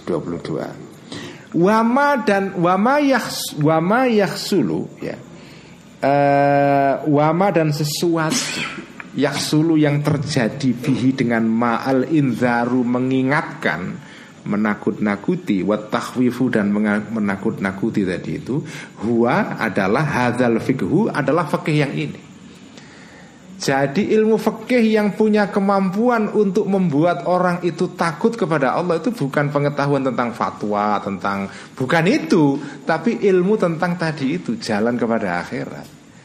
Jadi yang disebut dengan fikih yang bisa yundhiru kaumahum itu itu bukan fikih yang dimaknai sekarang di fakultas syariah itu atau di ngaji di pondok itu ya itu itu sarana saja sebetulnya tapi fikih yang punya kemampuan membuat orang itu yundiru kaumahum itu fikih yang tadi itu. Fikih tentang pengetahuan tentang jalan akhirat itu. Bukan duna tafri'ati tolaki Bukan tentang perincian-perincian mengenai bab tolak ya uh, Wal itaki dan memerdekakan budak Wal li'ani dan sumpah li'an ya Sumpah apa itu uh, sumpah suami istri yang menuduh yang lain apa uh, terlibat dalam perbuatan zina ya. Uh, wasalmi dan salam ya. Salam itu ya kalau sekarang apa future trading apa uh, jual beli barang tapi barang yang dijual diserahkan nanti bukan sekarang ya. Duitnya sudah diterima sekarang barangnya baru diserahkan nanti.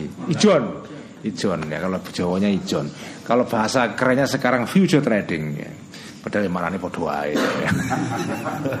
Cuma pakai bahasa Inggris itu aja. Wal ijaroti dan sewa menyewa. Bukan itu ya. Fikih yang Ya ini ini uh, rincian-rincian hukum mengenai bab-bab ini ya penting juga diketahui. Tapi itu tidak akan serta-merta membuat orang itu punya perasa takut kepada Allah Kemudian tergerak untuk beribadah. Enggak karena itu wasilah saja. Kadang-kadang ada orang yang punya pengetahuan ini ya, sebagai profesi saja. Pengetahuan tentang nikah tolak itu kan profesi itu. profesi penghulu di KUA itu kan. Jadi Imam Ghazali ini memang agak sedikit anu ini apa? Uh, mungkin bagi sebagian orang agak menjengkelkan karena ini ini mengkritik penghulu meronom ini apa? Ini mengkritik kau apa penghulu KUA ini. ini ngeritik kakaknya Mas Mujib ini Mas Adi ini yang kerja di Kemenak ini. Jadi itu yang membuat kita itu takut kepada Allah itu bukan hukum-hukum yang ya ronek-ronek yang wah kecil-kecil sekali tentang tentang tolak, tentang ijarah, tentang jual beli ya itu semua. Ya ilmu-ilmu itu kalau salah memakainya malah membuat kita tersesat. Ya, Kata Al-Ghazali ilmu-ilmu itu itu kalau salah penggunaannya membuat orang yang bersangkutan itu jadi ulama su. Ya, ulama apa? Ulama jahat ya, ulama su. Ya. Yaitu yang disebut dengan ulama su itu kan dalam kitab Ihya definisinya adalah orang yang mencari ilmu bukan karena Allah tapi untuk mencari kedudukan dunia dan harta. Itu definisi ulama su sederhana aja. Ulama su adalah orang yang cari ilmu bukan karena Allah tapi untuk mencari harta dan kedudukan sosial. Ya, itu namanya ulama su. Nah, wah berat sekali itu kan. Ini kan ilmu kayak begini ini kan garis miring berarti untuk ngapusi. ini ya, tapi ini gini ya. Il, ini bagusnya ilmu tasawuf itu. Ilmu tasawuf itu bukan ilmu yang kita pakai untuk apa ya nyerang orang. Ini untuk pitutur diri sendiri sebetulnya. Jadi kamu kalau belajar itu hati-hati. Kita telusuri niat kita itu sudah benar atau belum ya. Kalau kita memakai ilmu ihya ini untuk nyerang orang itu sudah salah penggunaannya itu. Ya. Sama saja, sama saja dengan yang lain-lain. Tugas ilmu tasawuf itu kan sebetulnya ilmu untuk nuturi diri sendiri. Ini bukan bu, ini ilmu yang nggak boleh kita terus kita marani orang, "Weh, kamu ini ya." Terus nuding-nuding oh, itu nggak bisa. Itu bukan fungsi ilmu tasawuf itu. Setelah kita baca kitab ihya terus kita parani kiai siapa gitu kan terus, "Wih, ya menurut kita ya kamu ini masuk ini kiai." Ya. Wah, nggak bisa itu. Itu sudah menyalahi kodrat ilmu tasawuf. Karena kodrat ilmu tasawuf itu nuturi diri sendiri. Jadi kita ngaji ini ya, itu ya sudah kita nuding diri sendiri, jangan nuding orang lain. Lebih banyak Apa? Lebih banyak nudingnya. Kalau yang sekarang ini kan nudingnya ke sana. ini kan kegemaran orang Islam sekarang itu kan nuding keluar, bukan nuding ke diri sendiri. Padahal nuding diri sendiri itu kalau kita menjadi baik, orang lain yang melihat kita baik itu niru kebaikan kita. Sebetulnya amar ma'ruf nahi mungkar juga, cuma jalannya itu agak melipir gitu loh apa? apa? Agak menikung gitu loh ya. Nah, kalau kita amar ma'ruf nahi mungkar dengan cara menuding, kelihatannya amar ma'ruf nahi mungkar, tapi justru malah kadang-kadang itu bumerang. Enggak menimbul enggak mengubah apa-apa, enggak efektif ya, malah justru menimbulkan madorot yang lebih besar. Tapi kalau yang kita ubah diri kita, terus orang lain melihat kok bagus ya, terus ngikut. Itu kan sebetulnya amar ma'ruf nahi mungkar, tapi dengan cara yang tidak melukai orang itu. Karena yang kita tuding diri kita sendiri sebetulnya. Itu yang menurut saya jangan-jangan Islam di Nusantara itu dulu ya diterima dengan mudah. Antara karena ini loh mungkin ya. Akhlak ini ya, Karena jadi gini, kitab Ihya itu sebetulnya kitab yang pengaruhnya dalam masyarakat Indonesia itu tanpa disadari itu itu besar sekali. Ronggo Warsito itu antara lain juga banyak dipengaruhi oleh kitab Ihya ini. Pujangga-pujangga Jawa itu ya. Dalam kitab Centini itu diserut disinggung kitab Ihya ini. Artinya kitab Ihya ini sebetulnya pengaruhnya besar tanpa orang sadar. Nah jangan-jangan memang Islam disebarkan di Jawa terutama dan di tempat-tempat yang lain itu karena ya dengan pendekatan yang seperti ini Bukan pendekatan nuding tadi itu. Yang dituding itu diri kita sendiri gitu loh. Kita ubah diri kita sendiri. Kalau kita berubah orang lain melihat kita baik mereka ikut gitu. Dan sekarang itu yang sekarang terjadi sebagiannya di barat. Jadi waktu saya pernah ngaji ya ini di, di, di Belgia Pernah ngaji ya di Belgia ya. Ah, Madura. Lege ya. Lagi Madura. Saya ketemu dengan ada seorang Indonesia yang tinggal di Belgia sudah mungkin malah sudah jadi warga negara sana atau menjadi permanent resident ya. Dia cerita begini. Jadi dia ini tinggal di satu perkampungan di sebuah kota di Belgia. Nah, orang Aceh nih. Ini orang Aceh perempuan ya. Dan kita tahu kan di Eropa sekarang itu kan ada persepsi yang buruk mengenai orang Islam kan. Gara-gara ya tindakan segelintir orang Islam yang melakukan kekerasan, akhirnya terus ada persepsi ya semua orang Islam itu sama seperti itu gitu. Islamofobia, ketakutan dan kebencian kepada Islam. Nah, ini ada perempuan Aceh ini. Jadi uh, dia tinggal di perkampungan yang di situ orang kan kalau ya di Eropa itu kan nafsi-nafsi ya orang ya sudahlah ya nggak ngurusi orang lain yang penting ngurusi diri sendiri apa nggak peduli dengan tetangga ya karena mereka sibuk segala macam ya artinya masyarakatnya individualis. Nah satu ketika ini dia tinggal di daerah itu sudah lama satu hari dia tuh kepingin bagaimana saya bisa berinteraksi ngobrol dan apa ya ya anulah seserawung sama tetangga-tetangga gitu loh. Kemudian satu hari dia nekat. Dia mencoba menempuh jalan ala Indonesia.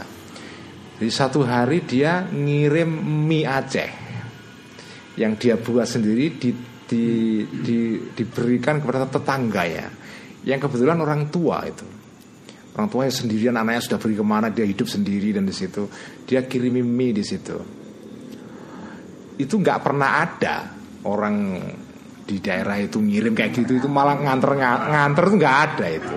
Itu dia sebenarnya ragu. Nanti kalau saya nganter begini dicurigai mau apa. Itu kan di sana kan paranoid ini makanannya bersih enggak apa gitu gitulah. Kalau kita kan halal haram. Kalau mereka sehat enggak gitu kan. Jangan-jangan nanti masaknya enggak baik terus bikin moles misalnya kan. Iya enggak higienis gitu kan. Tapi udah dia nekat aja kirim mie ke tetangganya.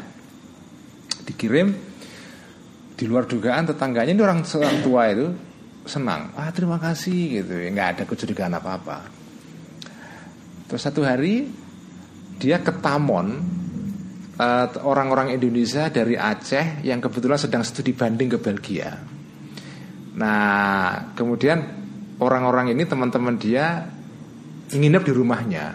Banyak sekitar 10 orang gitu kan. Ya rumahnya kan nggak cukup ya 10 orang. Berdesak-desaan di situ. Terus tetangganya ini lihat. Besok melihat ada tamu banyak di rumah dia. Besok paginya ditanya, itu di rumah kamu ada apa kok rame? gitu? Oh ya ini, ini teman-teman saya dari Indonesia sedang berkunjung. Saya tampung karena mereka ingin dolan itu kan. Terus kamu kamarnya cukup nggak? Ya nggak cukup bung, kamar kami cuma berapa aja gitu. Lah suruh ke rumah saya sebagian apa nginep apa di rumah saya, rumah saya masih ada kamar yang kosong gitu. Itu ajaib kan Sesuatu yang nggak terduga Jadi dari ngantar mie saja Tiba-tiba kemudian dia menawari rumahnya untuk penginapan Setelah itu dia mencoba belajar tentang kultur Indonesia Tentang apa itu Islam Tentang segala macam Hanya dari apa? Mie, mie aja Jadi jangan dihina tuh mie itu apa Ya, jadi itu itu kan amar ma'ruf nahi mungkar tapi bukan dengan cara nunjuk orang. Ya udah berbuat baik, orang lain tertarik dengan kebaikan kita, dia belajar tentang kita. Itu metode yang diinginkan oleh kitab Ihya itu. Ya. Nah, Al Ghazali muda itu pernah yang nunjuk-nunjuk begitu pernah juga, ya, yang keras itu ya sampai Imam Ghazali itu pernah waktu muda itu bermasalah atau pernah diadili ya gara-gara masih semangat muda biasa kan ya apa terlalu semangat gitu. Tapi Ghazali sepuh itu lain pendekatannya. Ghazali sepuh seperti ini. Jadi uh, kalau kita mau menghendaki orang lain berbuat baik, ya kita harus berani melakukan otokritik. Ya. Kritik diri kita sendiri itu ya.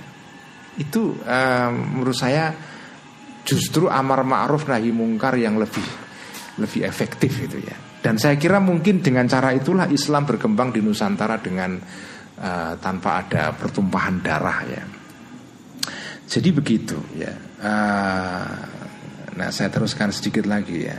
Fadzalika maka al-indhar tadi itu menakut-nakuti orang, nasihati orang supaya takut kepada Allah, la yahsulu tidak terjadi bihi dengan zalika eh, fadzalika maka tadi itu yaitu tafri'atut talak wal aitak wal li'an was salam wal ijarah ya pernik-pernik pembahasan mengenai tolak dan seterusnya la yahsulu tidak terjadi bihi dengan zalika inzarun menakut-nakuti orang wala tahwifun dan juga tidak me menakut-nakuti juga.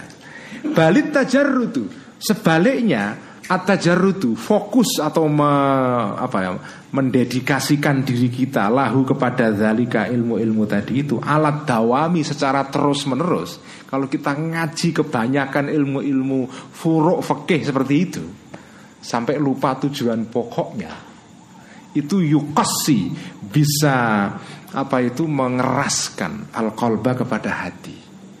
Wayanzi'u dan bisa mencabut al-khasyata rasa takut kepada Allah minhu dari kalbu kita kama nusyahidu sebagaimana kita menyaksikan al-ana sekarang ini maksudnya sekarang ini di zaman Ghazali yaitu pada abad ke-10 Masehi tahun 500-an Hijriah.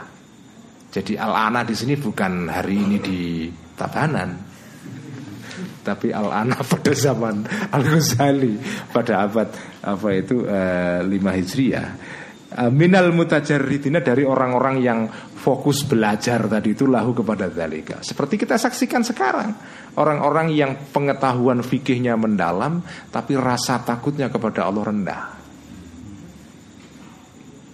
Ini kan apa ya ilmu seperti ini ini kan penting ya untuk mengingatkan kita semua dan ini bukan hanya fikih saja ilmu apa pun sebenarnya ilmu apa pun itu bisa diselewengkan seperti ini sebetulnya ya ilmu yang sebetulnya baik tujuannya tapi karena kita kehilangan tujuan kehilangan orientasi kan lalu jadi nggak karu-karuan malah yukosil kolba bisa membuat hati kita menjadi keras tidak takut kepada Allah ya. kemarin malam saya apa ngaji kebangsaan di di Badung di apa? Di di Badung ya Al Ma'arif ya. Saya bahas soal ini di Jimbaran ya. Soal apa sih apa sih yang disebut dengan ulama itu? Ulama itu kan sebetulnya bukan bukan orang yang ahli ilmu agama. Ahli ilmu apa pun itu ulama. Tapi syaratnya adalah orang yang ilmunya membuat orang itu punya punya rasa takut kepada Allah. Jadi innama yakhsyallaha min ibadil ulama. Itulah ulama. Jadi ilmu apa pun yang membuat kita itu khosyah, membuat kita itu sadar akan Allah lalu takut dan apa ya selalu menjaga diri kita terhadap Allah supaya kita nggak melanggar perintah-perintah Allah. Itulah namanya ulama. Dan kadang-kadang ilmu yang namanya ilmu agama tidak menimbulkan kita khosyah. Justru ilmu yang non agama malah membuat kita khosyah itu kan bisa juga atau sebaliknya. Jadi di sini kita tidak ter apa ya, tidak hanya terpukau, ter apa ya, eh, tertipu dengan uh, nama luarannya, dengan mereknya. Tapi apa intinya? Ilmu yang membuat orang itu jadi ulama, ya khosyah. Karena sumber ilmu semua dari Allah Baik ilmu agama atau tidak agama Itu kan dari Allah semua Nah kalau kita menyadari ilmu itu sumbernya dari Allah Maka tanggung jawab kita sebagai penerima ilmu itu kan besar sekali itu kan Dan kalau nah, kalau organisasi kita itu Nahdlatul Ulama Itu kan organisasinya orang-orang yang berilmu. Nah itu kan mestinya ya ini kaitannya. Ilmu adalah khosyah Ilmu menimbulkan rasa khosyah pada diri kita, takut kepada Allah. Dan karena dalam diri kita ada rasa takut, ketika kita nasihati orang, orang itu akan takut juga. Jadi itu intinya. Jadi itulah yang disebut dengan fikih di generasi sahabat dulu. Tapi kemudian belakangan fikih jadi profesi. Itu kan. Uh, semua ilmu sekarang kan jadi profesi. Jadi itu yang, itu yang disebut dengan gejala profesionalisasi pengetahuan. Ya. Jadi ilmu yang semula ilmu itu adalah apa ya? Ya tadi ini ilmu itu sebenarnya dari Allah, maka ilmu seharusnya menimbulkan kita takut kepada Allah. Ya. Tapi lama-lama ilmu setelah dipelajari kebanyakan orang, terus ada lembaganya, ada ijazahnya, ada diplomanya, ada dosennya, ada buku kurikulumnya itu semua lalu jadi profesi itu. Nah tujuan awalnya hilang. Makanya kitab Ihya ini sebenarnya kan membawa Makanya disebutnya tuh Ihya'u Ulumiddin. Menghidupkan ilmu-ilmu agama. Karena ilmu-ilmu agama sudah mati. Kenapa mati? Karena ya tadi itu Sudah diselewengkan dari tujuan awalnya itu seperti itu Menjadi begini, begini misalnya uh, Itu itulah ini apa ya kritik Al Ghazali kepada uh, kepada ilmu yang atau nama yang pertama fikih itu. Oke, masih kuat kita teruskan? Agak berat soalnya kalau makin ke sini nanti ini apa? Kritiknya makin makin makin mantap. Tapi nggak apa-apa lah ya kita dikritik Al Ghazali kan nggak apa-apa ya. Wakala dan berfirman Allah Ta'ala lahum qulubun la yafqahuna biha. Ya. Ini ada kata fikih di sini kan la yafqahuna biha. Ya fikih yafqahuna itu dari kata fikih lahum bagi orang-orang itu orang-orang kafir ya. Qulubun hati hati-hati la yafqahuna yang tidak bisa memahami orang-orang tadi itu biha melalui hati-hatinya itu. Mereka punya hati tapi tidak punya kemampuan fikih kemampuan paham itu Nah di sini fakih bukan artinya fakih dalam pengertian tadi itu ilmu tentang detil-detil hukum. Wa arada dan menghendaki Allah Taala bihi dengan pengendikannya tadi dengan firmannya tadi ma'aniyal yang disebut dengan fikih di sini paham di sini adalah ma'aniyal imani makna-makna pengertian-pengertian mengenai iman dunal fatwa bukan fatwa-fatwa jadi yang disebut apa lahum kulubun la yafqahuna biha itu bukan orang-orang kafir itu punya hati yang tidak menggunakan hatinya untuk belajar fatwa, bukan begitu. Belajar fikih di sini adalah belajar tentang bagaimana mengetahui Allah dan akhirnya takut kepada Allah itu ya. Qala ta'ala berfirman lagi Allah taala la antum asyaddu rahbatan fi sudurihim minallahi. Ini, ini ini penggambaran Allah mengenai orang-orang kafir Mekah dalam hubungannya dengan orang-orang Muslim di Madinah ya. La antum ya sesungguhnya kalian semua wahai orang-orang Islam pengikut Nabi Muhammad ya. Eh? Oh, loncat ya. Oh, wala umri ya. Wala umri dan demi umurku ini ini uh, segot atau redaksi sumpah dalam bahasa Arab ya. Wala umri ya. Demi umurku maksudnya ya demi Allah gitu ya. Wala umri demi umurku. Innal fikha sesungguhnya fikih. Wal fahma dan istilah fikih ya, wal fahma dan dan istilah faham ya, fikih dan faham itu sama artinya memahami ya. Fil lughati di dalam bahasa Arab Ismani adalah dua nama Bimaknan dengan makna wahidin yang sama Satu ya. Jadi fikih dan faham itu sama maknanya ya. Wa innama yutakallamu ya Sesungguhnya dipakai sebagai istilah Fi'adatil istimali di dalam kebiasaan penggunaan Bihi dengan istilah fikih Jadi yang dipakai fikih bukan faham ya Kodiman dulu wahadisan dan sekarang Jadi maknanya sama sebetulnya fikih dan faham ya. Fikih ya faham, faham ya fikih ya. Cuma yang lebih banyak dipakai fikih. Qala berfirman ta Allah taala la antum asyaddu rahbatan la antum sesungguhnya kalian semua wahai orang-orang Islam pengikut Nabi Muhammad asyaddu lebih rahbatan ditakuti atau menakutkan fi sudurihim di dalam dadanya orang-orang kafir minallahi dari Allah. Jadi ini untuk menyindir orang-orang yang apa ya kafir yang bukan pengikut Nabi Muhammad ya.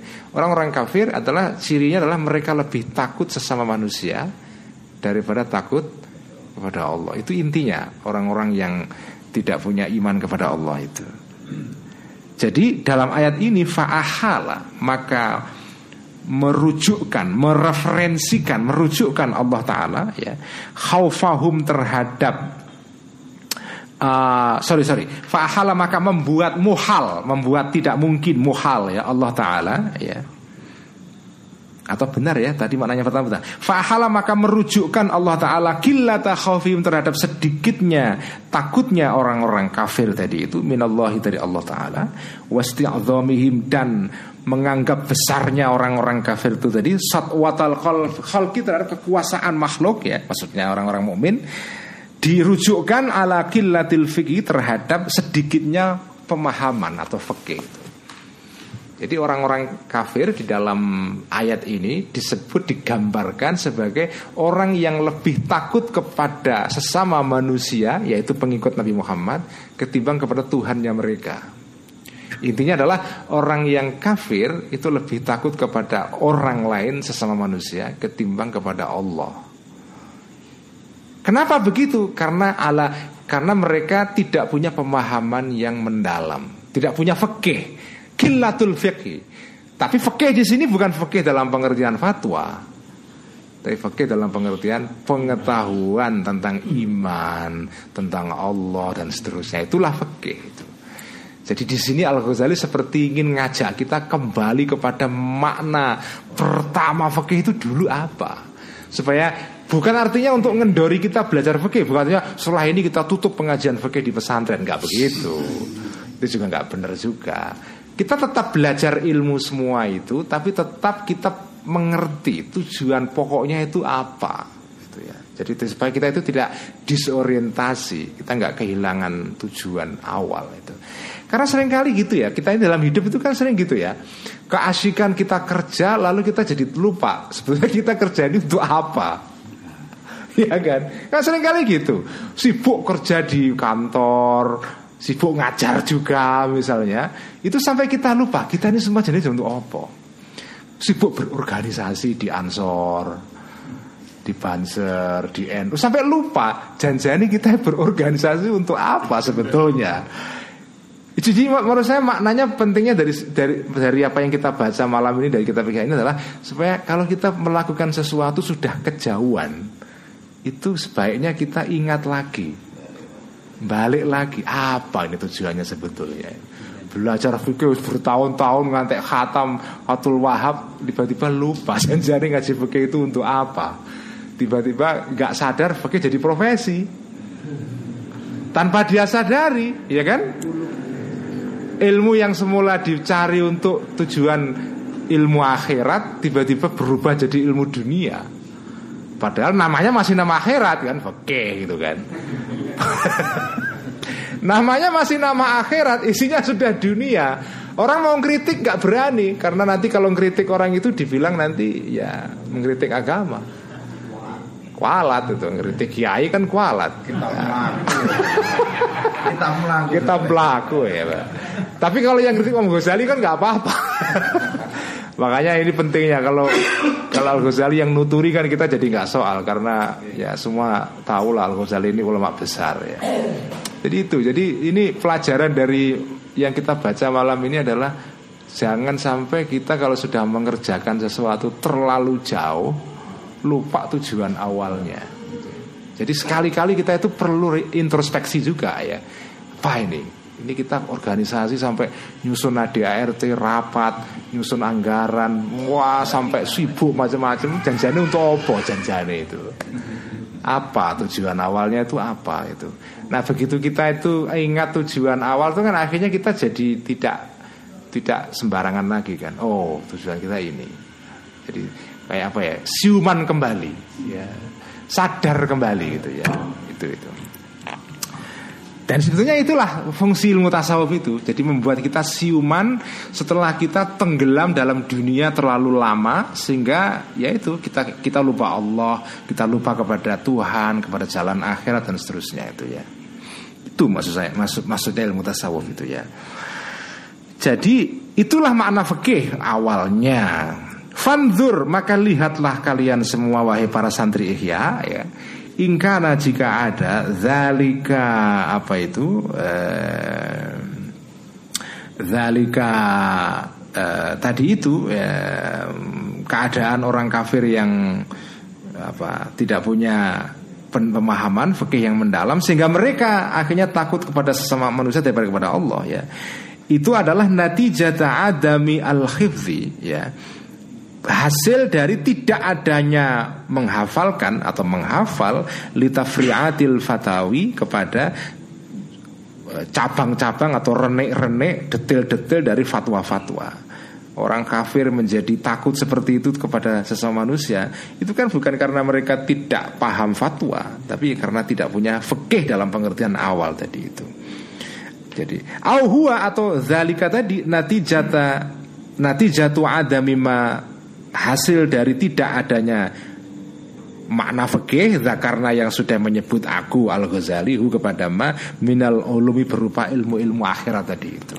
Jadi camkan saja. Jadi orang kafir yang seperti tadi itu itu karena tidak punya fikih dalam pengertian tidak punya pengetahuan tentang fatwa atau tentang ilmu-ilmu akhirat tadi. Sekarang camkan saja ya. Pikirkan sendiri kira-kira itu sebabnya apa itu ya. Waqala dan bersabda kanjeng Nabi Muhammad sallallahu alaihi wasallam. Ulama'u hukama'u fuqaha'u. Ya. Ulama'u fuqah hukama'u fuqaha'u. Ya. Mereka orang-orang yang apa hum ulama'u hukama'u fuqaha mereka orang-orang yang punya pengetahuan tentang akhirat tadi itu ulama'u adalah ulama orang-orang yang punya ilmu. Hukama'u orang-orang yang punya kebijaksanaan. Fuqaha'u orang-orang yang punya pemahaman. Jadi ulama hukama fuqaha itu satu pengertian. Ya. ulama hukama fuqaha ya. bukan umara ya lain. Hukama eh, ulama, hukama, fukoha ya. Jadi Nabi mengatakan ini lilladzina untuk orang-orang wafatu ya, wafatu yang mendatangi alaihi kepada uh, kajian Nabi ya. Jadi orang-orang tadi yang datang kepadaku itu itu mereka lah ulama, hukama, fukoha. Karena apa? Karena mereka punya pengetahuan tentang akhirat itu ya. Wasuila dan ditanya Sa'ad bin Ibrahim Az-Zuhri eh, Imam Sa'ad ibn Ibrahim Az-Zuhri seorang tabi'in ya rahimahullah. Ini adalah kalau tidak salah muridnya Imam Malik bin Anas ya Malik bin Anas ya pendiri madhab Maliki. Ayu ahlil madinati afqahu? Tinggalnya di Madinah kebetulan memang ini Sa'ad bin Ibrahim Az-Zuhri ini. Ayu ahlil madinati afqahu ayu ahlil madinati? Di manakah penduduk Madinah afqahu itu lebih punya pengetahuan tentang fikih? Siapa orang di Madinah yang ahli fikih? Ditanya ini Sa'ad bin Ibrahim Az-Zuhri. Faqala maka berkata menjawab Az-Zuhri ya Jawabannya bukan orang yang telah ngaji ini ini ini enggak. Yang disebut dengan afqah itu adalah atqahum lillahi ta'ala Afqahu atqahum Yang paling fikih ahli fikih dalam kota Madinah adalah atqahu Orang yang paling takwa dari antara ahli Madinah Lillahi kepada Allah Ta'ala jadi jawaban ini faka'annahu maka seolah-olah saat Az-Zuhri tadi itu asyara berisyarat ber, memberikan isyarat ila samrotil fikhi kepada buahnya ilmu fikih. Jadi buahnya ilmu fikih itu adalah ketakwaan. Jadi yang disebut dengan ahli fikih adalah orang yang ilmu fikihnya itu membuahkan tadi ini yaitu takwa kepada Allah itu. Wat takwa dan takwa adalah samrotul ilmi adalah buah ilmu al batini yang bersifat kebatinan. Maksudnya bukan ilmu zahir ya. Dunal fatawa bukan ilmu tentang fatwa-fatwa wal akdhiyati dan ilmu tentang kasus-kasus atau putusan-putusan ya. Jadi ilmu yang menimbulkan buah atau hasil berupa takwa itu adalah ilmu batin, bukan ilmu zahir ilmu zohir tentang fatwa, tentang kodok, tentang keputusan hakim, kodi dan segala macam. Itu ilmu lahir yang wasilah saja. Bisa membuahkan takwa, bisa juga tidak. Ya, jadi itu ya. Wakala dan bersabda kan Nabi Muhammad Sallallahu Alaihi Wasallam, Ala unabbiukum bil fakihi kullil fakihi. Ala ingatlah atau ingatlah atau ala unabiukum apakah uh, tidak menceritakan aku? Ala unabiukum apakah tidak? Maukah kamu saya ceritai? Kira-kira gitu loh kalau bahasa Indonesia-nya itu ya. Ala unabiukum apakah tidak menceritai aku kanji Nabi maksudnya? Kum kali kepada kalian semua bil fakihi mengenai orang yang ahli fikih kulil fakihi yang betul-betul ahli fikih. Mau nggak kamu saya kasih tahu siapa al fakih kulil fakih ahli fikih yang sesungguhnya itu siapa? Kalau menjawab para sahabat bala, ya kanjeng Nabi mau. Kala maka berkata kanjeng Nabi, man lam yuqannitin nasa min rahmatillahi walam yu'amminhum min makrillahi walam yu'ayyishum min rauhillahi. Yang disebut dengan ahli fikih yang sesungguhnya man adalah orang lam yuqannit yang tidak membuat putus asa orang tadi itu anasa kepada manusia min rahmatillahi dari rahmat Allah. Ahli fikih yang sesungguhnya adalah orang yang tidak membuat seseorang ini putus asa, putus harapan dari Allah. Ini keren sekali hadis ini ya. Jadi orang yang ahli fikih adalah orang yang tidak membuat orang putus asa berharap kepada Allah itu. Kan ada orang yang cara nuturi masyarakat itu membuat orang seolah-olah agama itu susah banget itu sampai orang itu nggak punya harapan menjadi muslim yang baik karena agama itu kok berat sekali ya. Jadi susah nggak ada harapan bagi saya untuk jadi orang muslim kalau begini. Susah banget kok. Itu sama dengan membuat orang itu putus harapan dari Allah. Itu bukan ahli fikih itu. Orang ahli fikih adalah orang yang membuat orang optimis terus menerus ya. Bahwa Allah itu ya udahlah kamu nggak usah khawatir. Allah akan punya rahmat akan selalu memberikan rahmat kepada kita. Apa pun yang kita kerjakan jadi orang yang tidak membuat putus asa uh, dari rahmat Allah tapi diberikan ini kan satu satu segi ya orang ini kan kalau yang aspek ini ini seolah-olah semuanya gampang gitu kan Sudahlah kamu nggak usah khawatir, Oh, Allah akan maha pengampun. Pasti berbuat apa saja boleh, Allah akan mengampuni. Itu kan seolah kan, wah kalau itu enak dong, nah, kan, asik gitu kan, asik ini kan. Tapi ini baru satu segi. Segi berikutnya walam yu'amminhum dan tidak membuat aman orang tadi itu hum kepada orang-orang min makrillahi dari siksa atau balasan Allah. Nah, ini sebaliknya. Walaupun kamu Allah itu maha pengampun Tapi jangan sembarangan Karena Allah itu juga maha penyiksa juga Maha apa pembalas Jadi ya harus tengah-tengah jadi ya berharap tapi juga hati-hati kira-kira gitu ya. Lam yuqannit walam yumak yu'amin. Jadi tidak membuat putus asa tapi juga tidak membuat kita merasa aman terus. Seolah-olah Allah ini gampangan gitu kira-kira gitu ya. Allah kayak teman kita sendiri gitu apa. Ya udahlah TST tahu sama tahu gitu ya. Bukan begitu. Walam yu'ayis dan tidak membuat apa membuat putus asa orang tadi itu hum kepada manusia anas min rauhillahi dari nikmatnya Allah ya. Walam yada dan tidak meninggalkan Al-Quran Al-Quran rahbatan karena benci anhu terhadap Quran ila kepada sesuatu siwahu yang selain Quran. Ya. Inilah orang yang ahli fikih itu. Ya.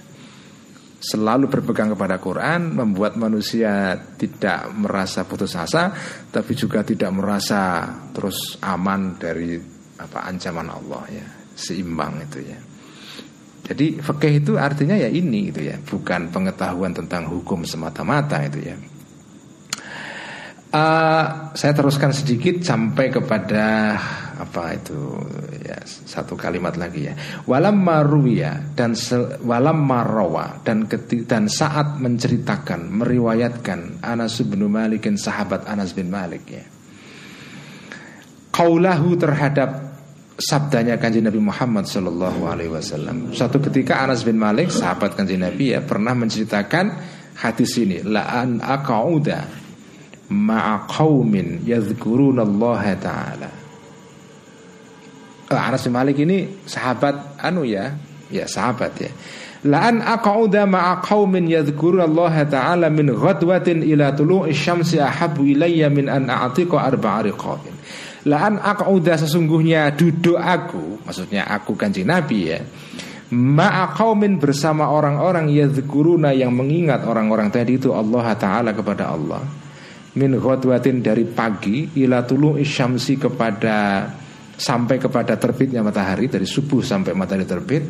Ahabbu lebih aku cintai Lebih dicintai ilayah kepadaku kanjeng Nabi. Maksudnya Min an a'tiqa Atau min an u'tiqa Daripada memerdekakan aku kanjeng Nabi Arba ariqobin Empat leher. Maksudnya empat Apa budak ya. Jadi Nabi pernah pernah ngendiko, pernah bersabda bahwa Aku duduk bersama orang-orang yang zikir kepada Allah dari pagi subuh sampai matahari terbit itu duduk bersama mereka lebih aku sukai daripada aku memerdekakan empat budak itu. Nah, sahabat Anas bin Malik pernah menceritakan hadis ini. Kala berkata sahabat Anas, faltafata. Kemudian uh, kala maka berkata seorang rawi, maksudnya rawinya, rawi hadis ini. Faltafata maka kemudian uh, menoleh ya sahabat Anas bin Malik ila Zaidin ar-Raqashi kepada Zaid ar-Raqashi seorang tabi'in ya wa Ziyadin an-Numairi dan Ziyad an-Numairi ya kepada teman duanya ini namanya Zaid dan Ziyad Waqala dan berkata sahabat Anas bin Malik Lam takun majalisu dzikri mithla majalisikum hadhihi Lam takun tidak pernah ada dulu zaman Kanjeng Nabi majalisu dzikri majelis-majelis zikir ya.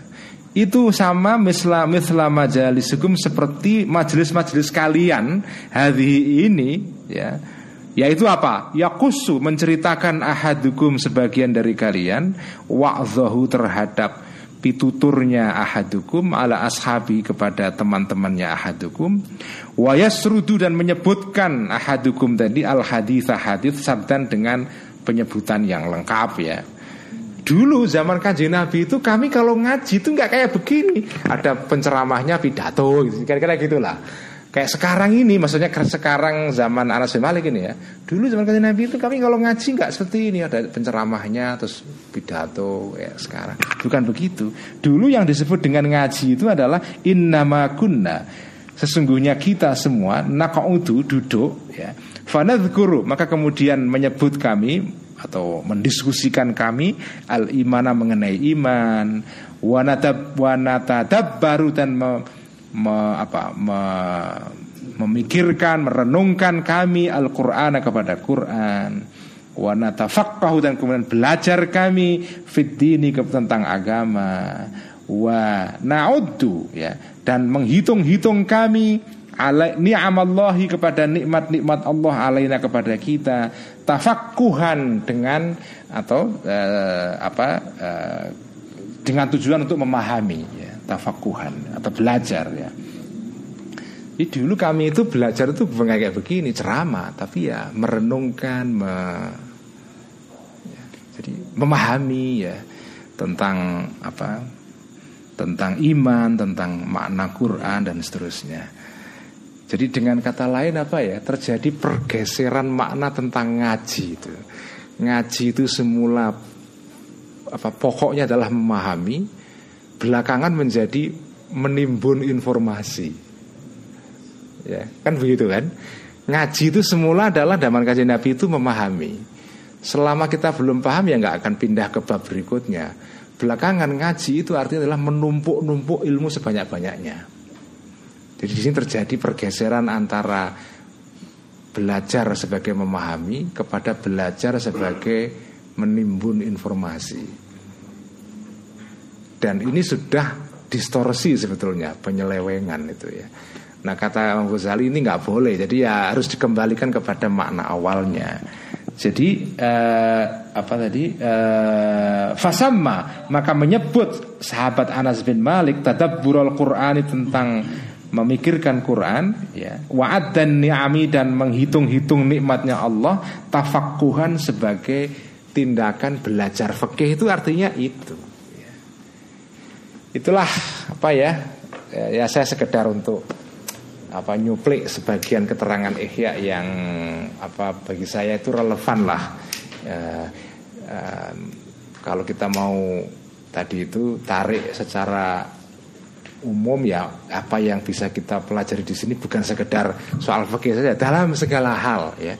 Dalam segala hal uh, itu kita harus sadar bahwa apa yang kita pelajari, apa yang kita lakukan itu bisa menyeleweng dari tujuan asal.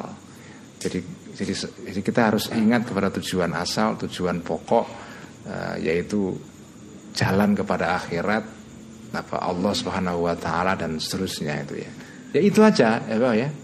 Kalau orang Jawa nyebut kan sangkan paran itu ya. Sangkan paran itu ya.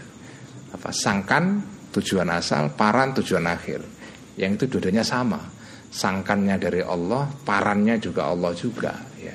Nah asal dalam segala hal tindakan kita itu seperti ini, itu sebetulnya apa?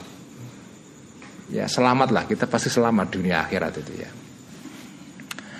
Saya kira itu eh, semoga bermanfaat ngaji ikhya kita pada malam hari ini. Um, Mau diskusi monggo enggak juga enggak apa-apa. Saya kembalikan kepada Gus Niam ya. Sekian wallahul muwaffiq ila aqwamit thoriq. Assalamualaikum warahmatullahi wabarakatuh.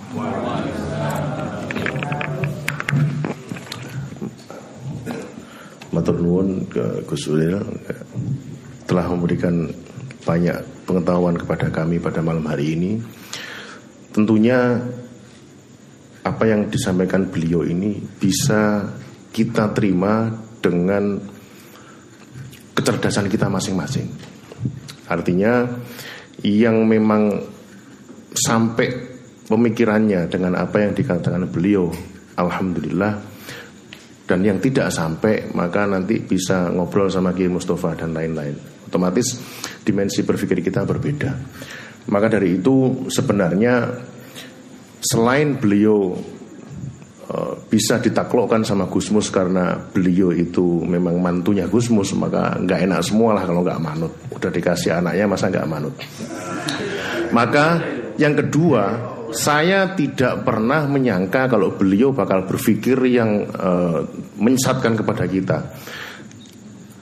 Karena eh, kenapa saya selalu berpikir positif dan tidak pernah negatif pada beliau karena kakeknya beliau sendiri adalah orang yang sangat kontroversial. Kakeknya beliau itu salah satu aulia yang ketika hidupnya dulu itu kalau tidur itu mesti ditemani dengan anjing. Iya. Maka kalau putra putranya dan cucu-cucunya kontroversial ini saya sangat mafhum sudah. Dan cerita bahwa Kiai Mutamakin yang dari Pati itu memang seorang aulia yang tidak begitu terlihat karena beliau tiap hari bermainnya dengan anjing. Maka dari itu uh, sebenarnya kita bukalah uh, pemikiran-pemikiran beliau walaupun tidak banyaklah kita buka. Mungkin mungkin yang pertama uh, yang kita pahami beliau adalah uh, pencipta atau founder dari jaringan Islam Liberal. Maka pertanyaan yang paling mendasar bagi kami adalah apa sih tujuan uh, jil ini dibentuk? Kemudian ideologi ini dari mana dan perangnya dengan siapa dan ini atas izin siapa dan perintah siapa ini kan kita semuanya belum tahu. Maka uh, oh iya. Maka sebenarnya kemarin sudah saya singgung tapi beliau baru ngasih saya kesempatan untuk ngobrol sedikit. Jadi saya kepengen teman-teman ini tahulah uh, walaupun penasaran ya, walaupun walaupun uh, yang beliau lakukan adalah se sejalan dengan Gus Dur sebenarnya. Cuman karena pemahaman kita tentang Gus Dur dan pemahaman tentang Gus Ulil ini kita terbatas dengan pemikiran kita yang sangat terbatas, maka mohon malam ini untuk teman-teman dijelaskan Gus apa sih itu dan berjuangnya di mana, bergeraknya di mana, pernah nggak dicegat, pernah nggak di apa mau dihantemi sama yang diserang dan sebagainya. Uh, lah ya makanya itu.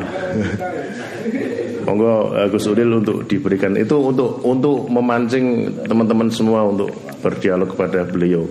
Insya Allah malam ini gamblang. Uh, tapi walaupun seperti itu saya punya husnudon bahwa Gus Udil ini pahalanya sangat banyak. Kenapa? Karena dirasani orang seluruh Indonesia. Monggo waktu dan tempat kami persilakan. Monggo Gus. Ini nggak ada yang tertarik dengan ihya ya? Buka lawan. Membuka saja. Saya ngaji ihya berjam-jam nggak ada yang tertarik.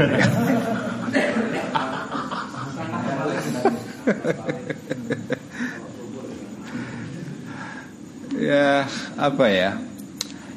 Ya saya dulu waktu mendirikan JIL itu kan eh, pertama-tama tujuannya adalah untuk eh, melakukan kritik terhadap sesuatu yang sekarang itu dikritik oleh teman-teman Ansor, yaitu HTI dan teman-temannya.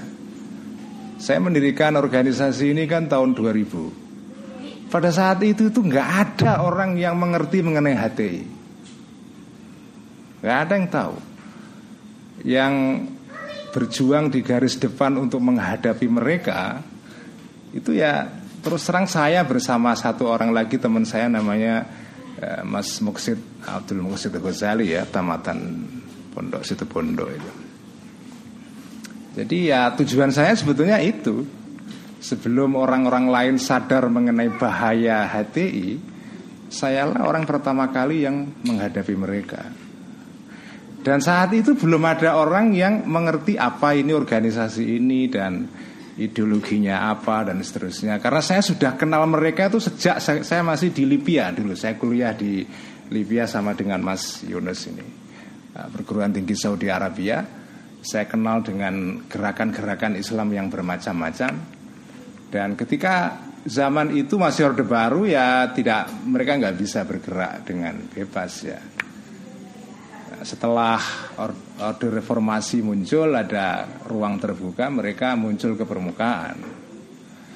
Nah, ketika itu nggak ada orang yang melakukan counter terhadap mereka secara em, langsung ya kepada argumen-argumen mereka dan seterusnya. Ya akhirnya saya mendirikan organisasi ini. Makanya lawan pertama yang saya hadapi ketika mendirikan ini ya teman-teman HTI. Nah sekarang kan yang melawan HTI sudah langsung NU dan Muhammadiyah. Langsung bansernya sendiri. Jadi saya sudah senang sekali. Saya sekarang ngaji ihya saja.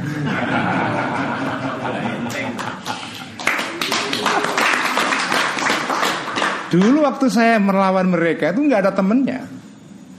Malah sebagian teman-teman NU mencurigai saya dianggap saya ini mengancam Islam dan segala macam. Padahal yang saya lakukan itu justru mempertahankan Islam ala NU ini dari serangan-serangan kelompok ini.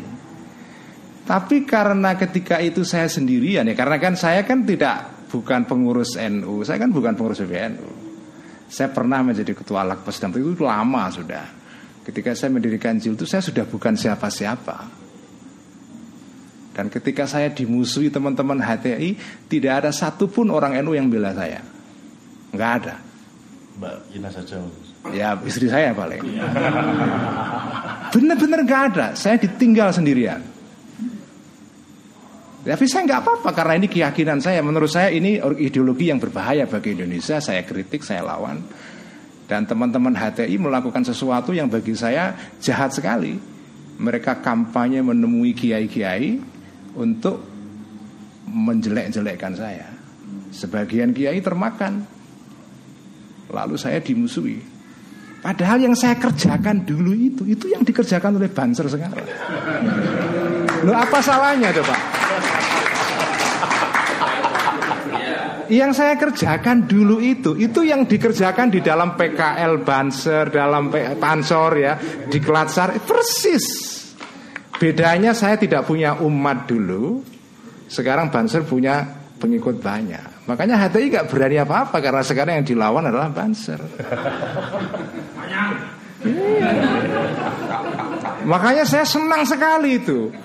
Loh, dulu itu waktu saya masih berjuang sendiri itu, ke mana pun saya pergi itu dihadang oleh teman-teman HTI.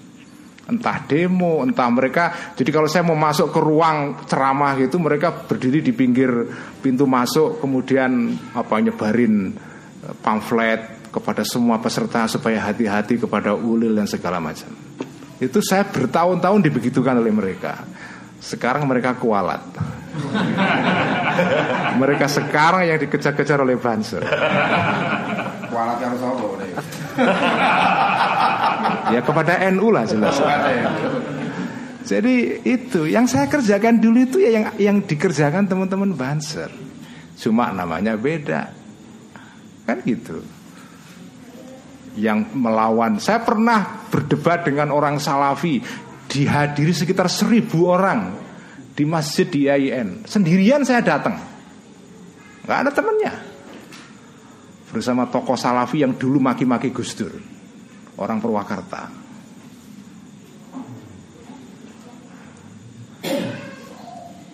Ya sekarang kan sama yang dikerjakan teman-teman bahasa juga melawan Salafi juga kan ya. Jadi itu. Jadi saya dulu melakukan segala se- segalanya itu adalah demi untuk mempertahankan pertama NKR NKRI yang kedua ya pemahaman Islam yang moderat ala NU ini ya tentu saja saya punya pikiran-pikiran yang berbeda dengan beberapa kiai di dalam soal-soal tertentu. Ya nggak masalah perbedaan kan biasa. Wong kiai juga semua tidak semua sama pendapatnya kan mengenai beberapa masalah. Yang biasa aja. Cuma intinya adalah yang saya lakukan adalah ketika itu bagaimana Islam ala Indonesia ini tidak di apa ya dihancurkan atau dianggap ini kurang Islam dibanding Islam yang lain gitu kan ya kan itu ya itu itu yang saya lakukan jadi saya nggak ngerti kenapa kok saya dimusuhi oleh para kiai-kiai. Kenapa mereka tidak memusuhi Banser sekarang? Kenapa, kenapa buzzer nggak dimusuhi kalau yang dikerjakan sama? Persis sama, persis, nggak ada bedanya. Saya mengkritik HTI, mengkritik uh, Ikhwanul Muslimin, ya, mengkritik Salafi, mengkritik gerakan-gerakan garis keras ini. Ya. Mempertahankan Indonesia. Sejak dulu saya itu idenya adalah Gus Dur. Pancasila, Islam, nasionalisme, agama itu semua adalah dua hal yang saling eh, dua-duanya penting ya, tidak boleh dipertentangkan. Ya. Soal syariat Islam, ya kan? Itu salah satu perjuangan dulu. Saya tidak kepingin syariat Islam itu dijadikan sebagai apa sesuatu yang diformalisasi. Itu kan salah satu ide saya pertama. Ketika muncul gerakan-gerakan perda syariah di mana-mana. Karena saya anggap perda-perda syariah ini beberapanya bermasalah ya. Hanya permukaan saja, tapi tidak menyentuh akar masalah. Banyak orang marah, tapi belakangan ide itu yang dikatakan sendiri oleh Kiai Said Agil Siros, termasuk Kiai Hashim Muzadi sendiri menolak formalisasi syariat. Buya Syafi'i Ma'arif juga mengatakan yang sama. Yang kita perlukan itulah syariat sebagai esensi dalam kehidupan kita sebagai muslim di Indonesia nilai-nilainya yang pokoknya bukan simbol-simbol permukaan gitu kan. Nah saya itu dimusuhi karena melawan perda syariat gitu. Tapi ya pada akhirnya ketika orang paham mereka mengatakan hal yang sama PBNU sendiri tidak mendukung formalisasi syariat ya kan Nah jadi pelan-pelan sekarang ini kemudian uh, apa ya banyak orang yang mulai paham dan saya sekarang saya sudah lega. Jadi karena itu saya ngaji ya sekarang. Jadi sudah sudah apa ya? Saya merasa gantian sekarang kan. Sekarang yang dibully banser bukan saya lagi. Tapi kalau yang dibully banser kan enak banyak orang. Terus saya itu sendirian loh. Saat dulu itu pernah ada satu daftar 100 orang Indonesia yang kafir. Itu saya nomor pertama. Nah Kiai Said itu iri dengan saya. Mas Ulil dia bilang pada saya berkali-kali orang itu kalau sudah dikafirkan 40 kali masuk surga. Mas Ulil sudah sudah enak. Saya kepengen dikafirkan 140 orang. Ya begitulah. Jadi uh, menurut saya apa uh, saya senang karena di dalam NU ya itu ya apa ya saya kemarin malam ngobrol dengan Mas Yunus di hotel ya. Saya bilang gini salah satu ciri khas tradisi santri NU yang menurut saya harus di di apa ya dirawat di apa itu dipertahankan itu adalah santri itu memang harus ada nakalnya. Itu santri NU itu nakal. Cuma nakal yang yang syar'i ya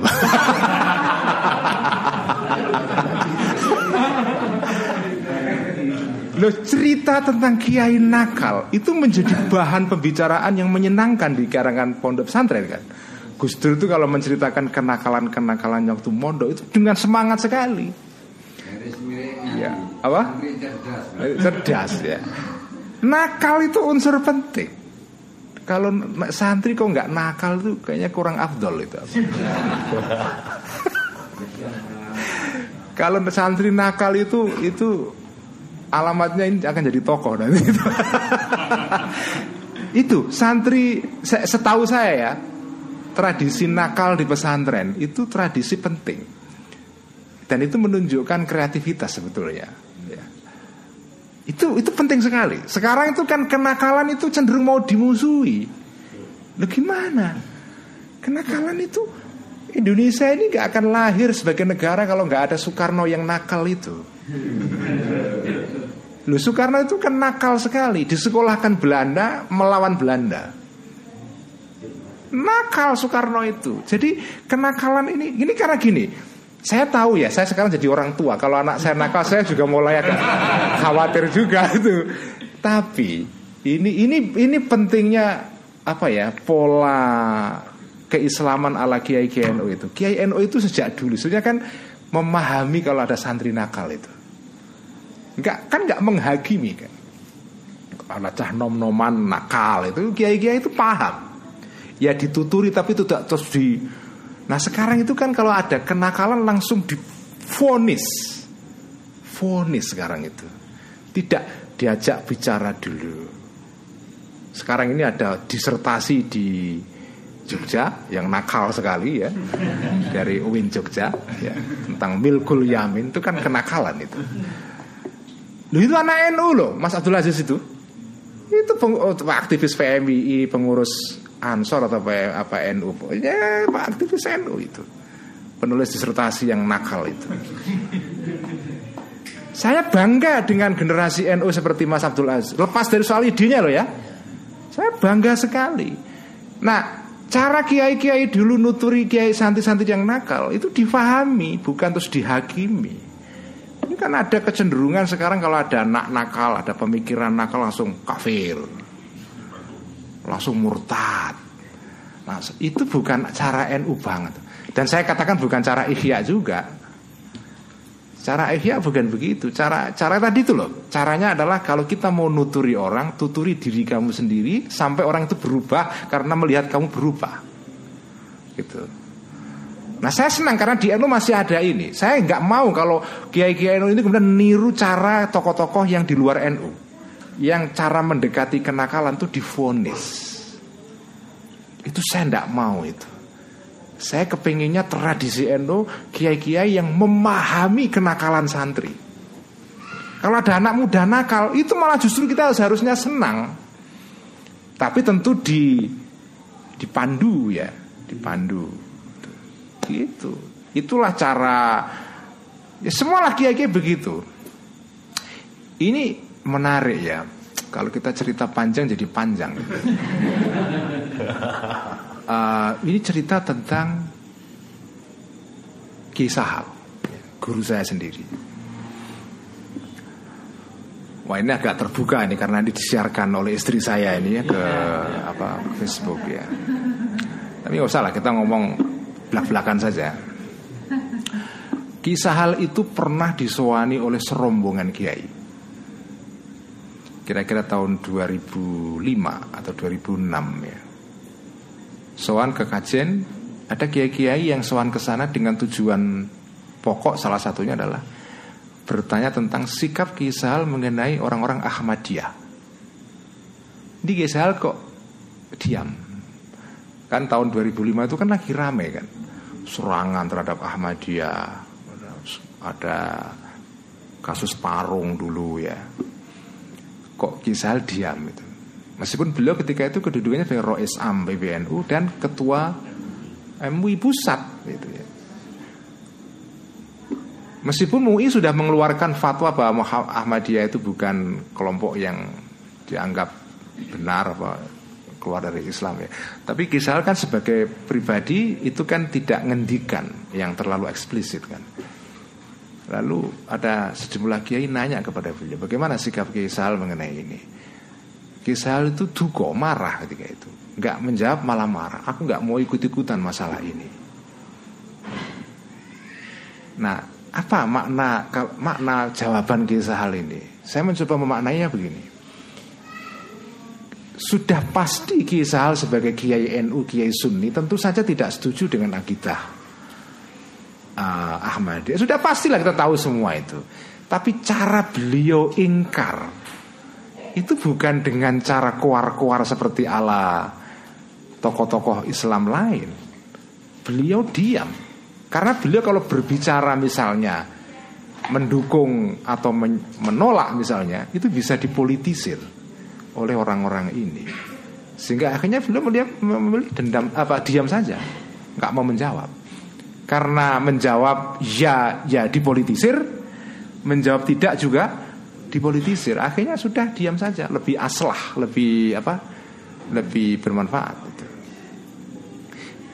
Nah dalam isu yang sama ya Gusmus itu ber saya malah mendengar langsung kalau ini. Gusmus itu kalau ditanya soal Ahmadiyah itu itu jawaban beliau tidak langsung. Jawaban beliau begini.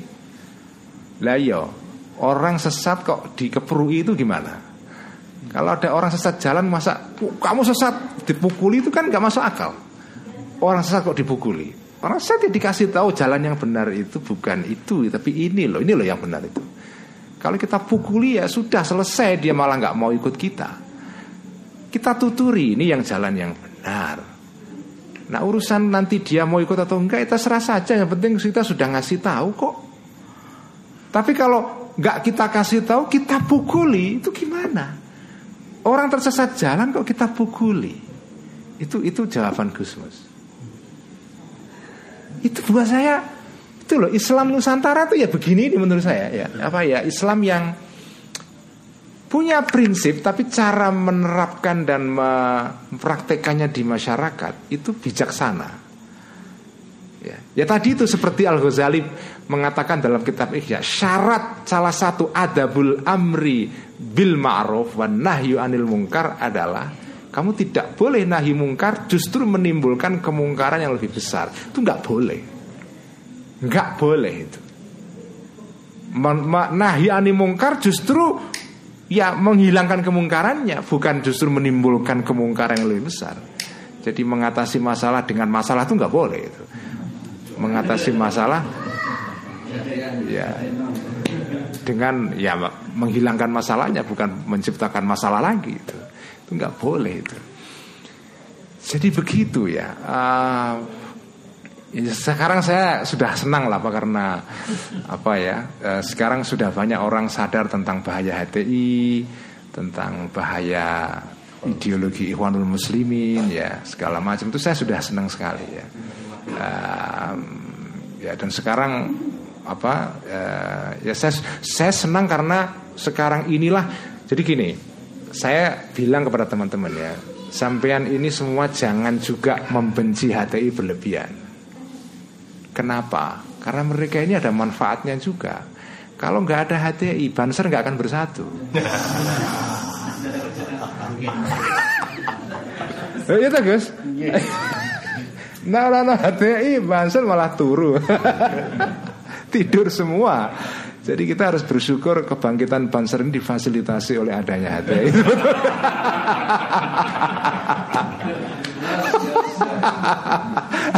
Kita harus bersyukur juga itu. Jadi kalau nggak ada sparring partner kan kita tidur itu ya.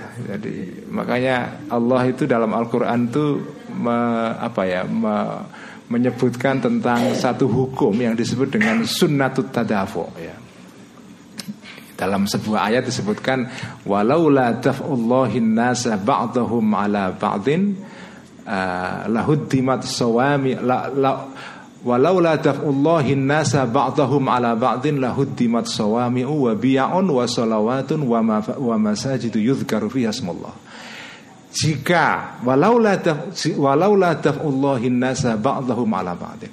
Kalau seandainya Allah itu tidak membuat manusia itu saling aksi dan reaksi satu terhadap yang lain, itu akan terjadi kerusakan. Masjid-masjid dirusak, gereja dirusak, sinagog dirusak. Itu dalam Quran kata begitu. Jadi karena manusia itu kalau aksi itu menimbulkan reaksi, akhirnya mereka mikir, setiap tindakan ada reaksinya. Karena kalau nggak ada reaksi orang bisa apa bisa adem enggak terus sembarangan. Karena nggak ada reaksinya kan. Kalau dia ber, misalnya ada orang melakukan tindakan A yang wah, wah, wah menyebarkan ini itu tapi nggak ada pembandingnya misalnya. Nggak ada nggak ada yang menanggapi itu. Dia kan seenaknya sendiri. Salah-salah ya nggak ada yang ngingetin akan terus tapi karena Allah itu di dalam dunia ini menerapkan hukum. Kalau ada orang aksi dibalas dengan reaksi. Walau la daf'ullahin nasa ba'dahum ala ba'din lahuddimat sawami'u. Akan dirusak itu fasilitas-fasilitas umum itu. Tempat ibadah, tempat-tempat ya. Jadi sunnatut tadafu itu penting sekali. Dalam dunia ini selalu ada begitu. Ada aksi, ada reaksi. Dulunya ya, ini menarik. Ini saya cerita agak panjang supaya teman-teman punya perspektif ya. Dulu itu teman-teman HTI itu itu menganggap Indonesia ini salah satu tempat yang paling potensial untuk merealisasikan negara khilafah. Paling ideal. Pertama, negaranya besar, penduduknya gede banget, mayoritas umat Islam Sunni dan demokratis, terbuka. Kepulauan lagi, banyak tempat-tempat tersembunyi untuk bisa melakukan apa? apalah kaderisasi, ma, apa persiapan untuk ini itu di tempat-tempat yang terpencil kan banyak sekali. Indonesia adalah tempat yang paling ideal untuk merealisasikan negara khilafah dari segala segi, ya, secara penduduk, lokasi dan sistem politiknya terbuka. Karena di negara-negara Arab nggak mungkin, HTI sudah dilarang semua. HTI itu sudah dilarang semua di negara-negara Arab. Hanya di Indonesia Bahkan mereka di sini sudah pernah menyelenggarakan konferensi internasional khilafah dua kali di GBK. Bayangkan di tempat yang dibangun Bung Karno mereka menyelenggarakan konferensi atau kongres khilafah internasional dua kali itu. Jadi mereka ini sudah sebetulnya optimis sekali sejengkal lagi Indonesia itu sudah bisa dikhilafahkan. Apalagi beberapa anggota tentara, polisi itu sebagian sudah dipengaruhi di birokrasi itu kuat sekali itu. Tapi dilalah hukum Allah tadi itu walau la nasa ba'dahum ala ba'din. Mereka semula kan menganggap aksinya ini nggak ada tandingannya. Weh tiba-tiba muncul banser nih kan. Udah sekarang. Kalau nggak ada aksi reaksi ini ya udah mereka seenaknya itu. Jadi sunatut tadahu ini penting. Jadi Allah itu menerapkan hukum di dunia ini itu bahwa setiap tindakan kita ada yang akan me menanggapi. Itu kita ini ya apa ya?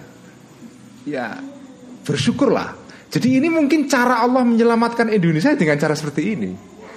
Dibuat dulu ada ontran-ontran dulu apa kalau wayangnya itu apa? Ada goro-goro gitu. Wah kalau nggak ada goro-goro kan ngantuk semua orang. Gitu. harus ada goro-goro dulu kan. Terus banser bangkit dan wah sekarang senang sekali saya.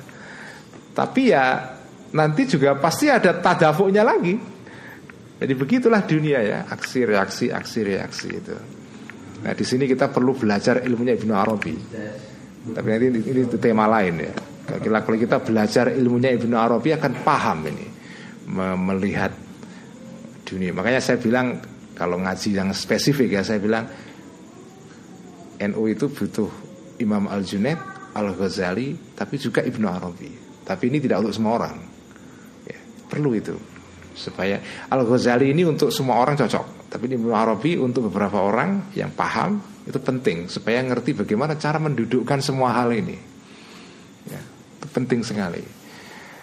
Tapi itu bukan di sini majelisnya ya. Ah, ada maharnya itu.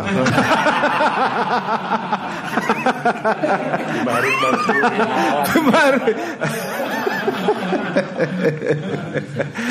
ya begitulah uh, apa ya keterangan tambahan untuk ngaji ya ya. ya semoga bisa apalah Insya Allah adalah ya ngerti duduk soalnya ya Insya Allah begitulah terima kasih Gus Oke, sebentar, santai dulu, nggak usah susu lah. Gus masih setia dengan kami. Jadi bukan karena kita tidak tertarik dengan ihya'nya Gus tadi Gus. Cuman kita mengenal jenengan mengaji ihya dengan jilnya ini terlebih dulu jilnya. Makanya ditanyakan jilnya dulu. Mungkin yang kedua uh, Kulo memberikan uh, waktu untuk uh, ketua PC untuk sekedar sharing atau bagaimana atau memberikan pertanyaan atau berdialog kepada Gus Udil. Monggo waktu dan tempat kami persilakan Pak Ketua.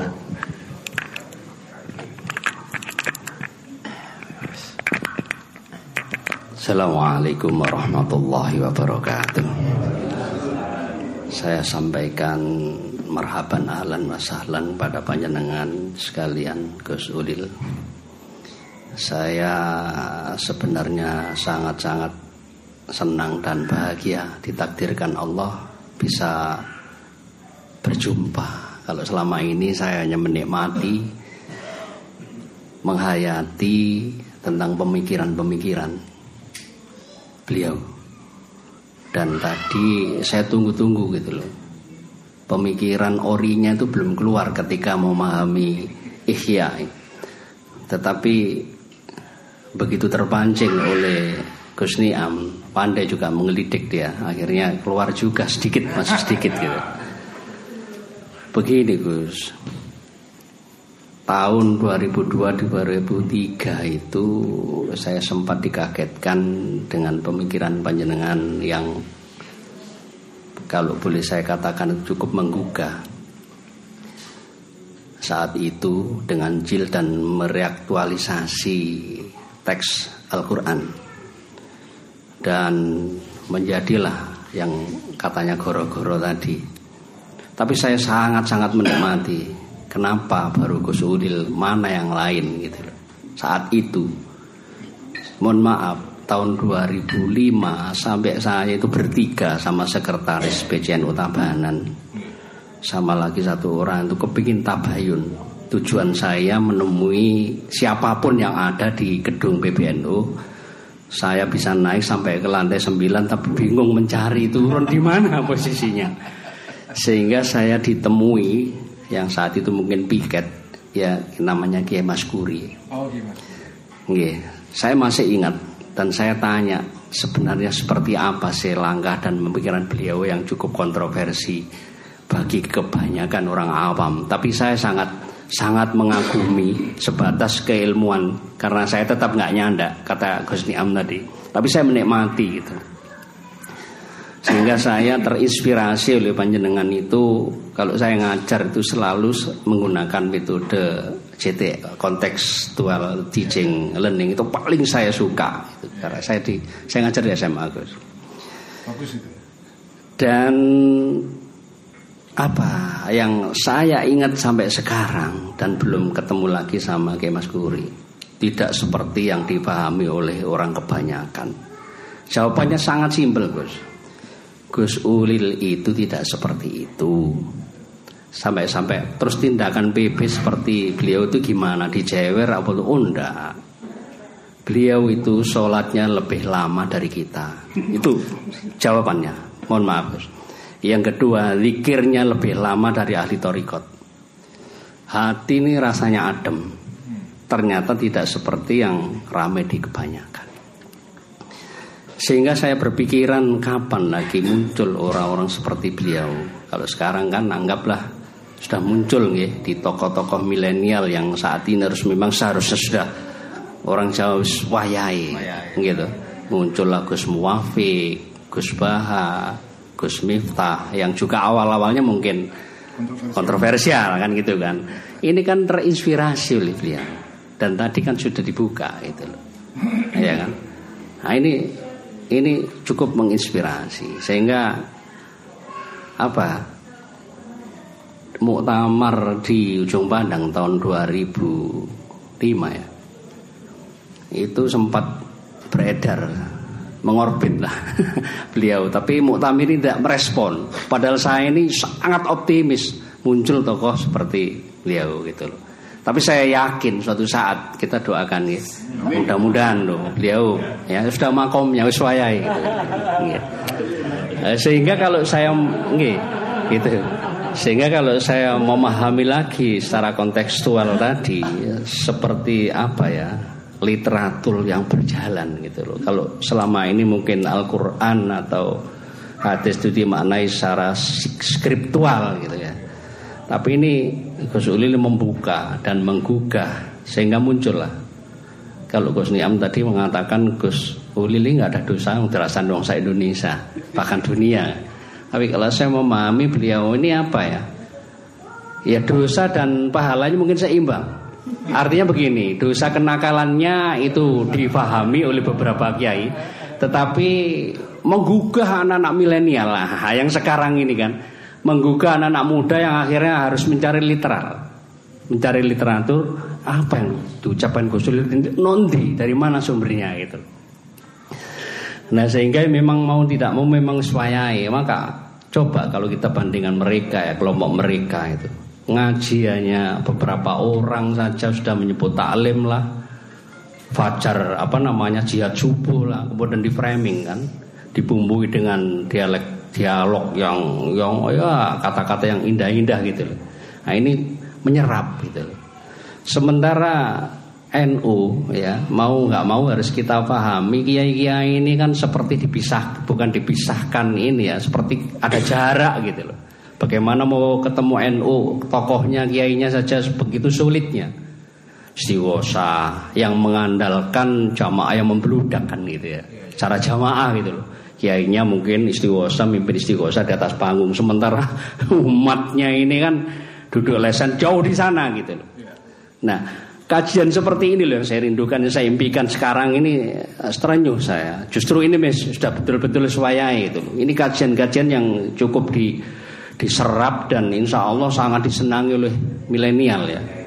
Saya mengutip eh, survei dari LSI Indobarometer kemudian siapa Burhanuddin Mutadi itu juga kan bahwa tahun 2020 ini letupan anak muda milenial sudah mencapai 30 juta Gus Nggih, kalau tidak salah seperti itu dan orang-orang yang apa ya ditanya langsung secara organisasi yang dipahami adalah pengertian mereka itu NU itu tidak beda jauh lah.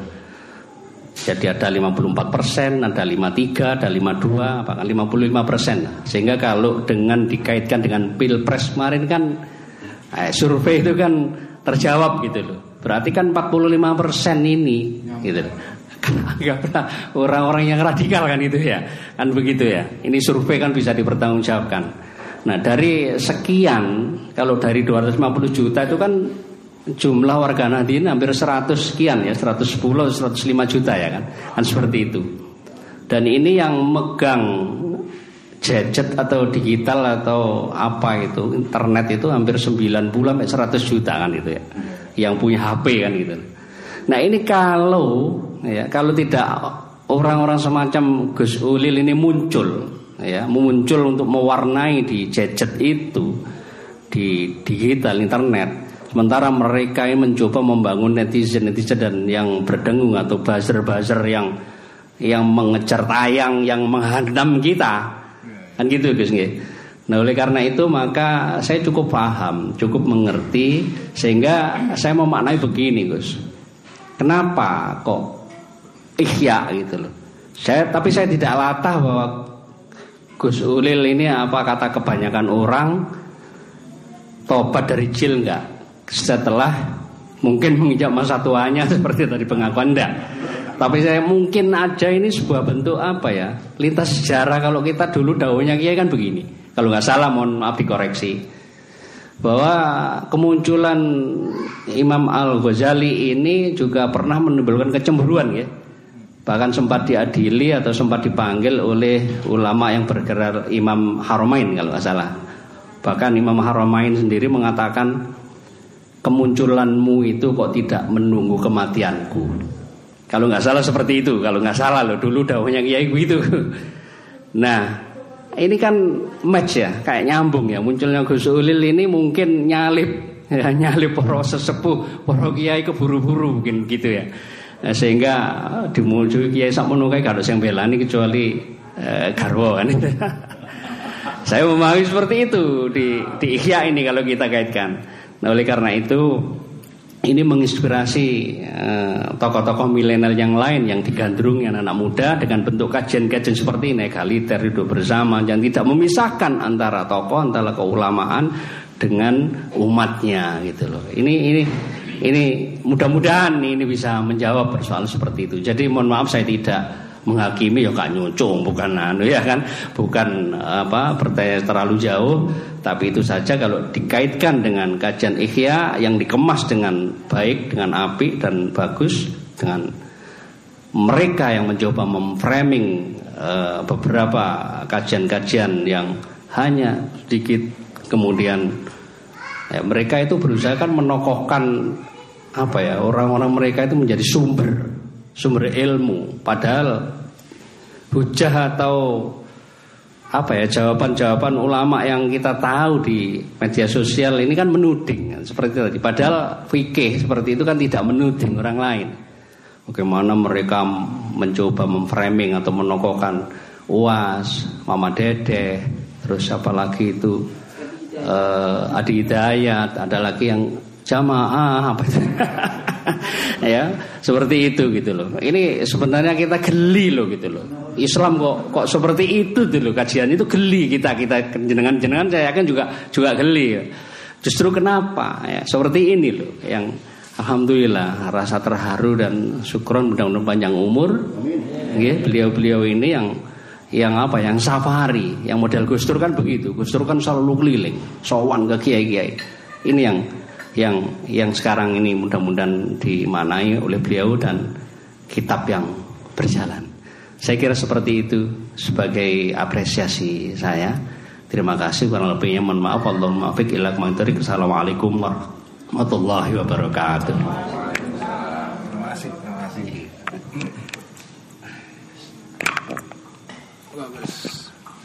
Monggo mungkin uh, satu perpenanya. Ustadz, saya pun aja. Oh iya. Monggo Ustadz.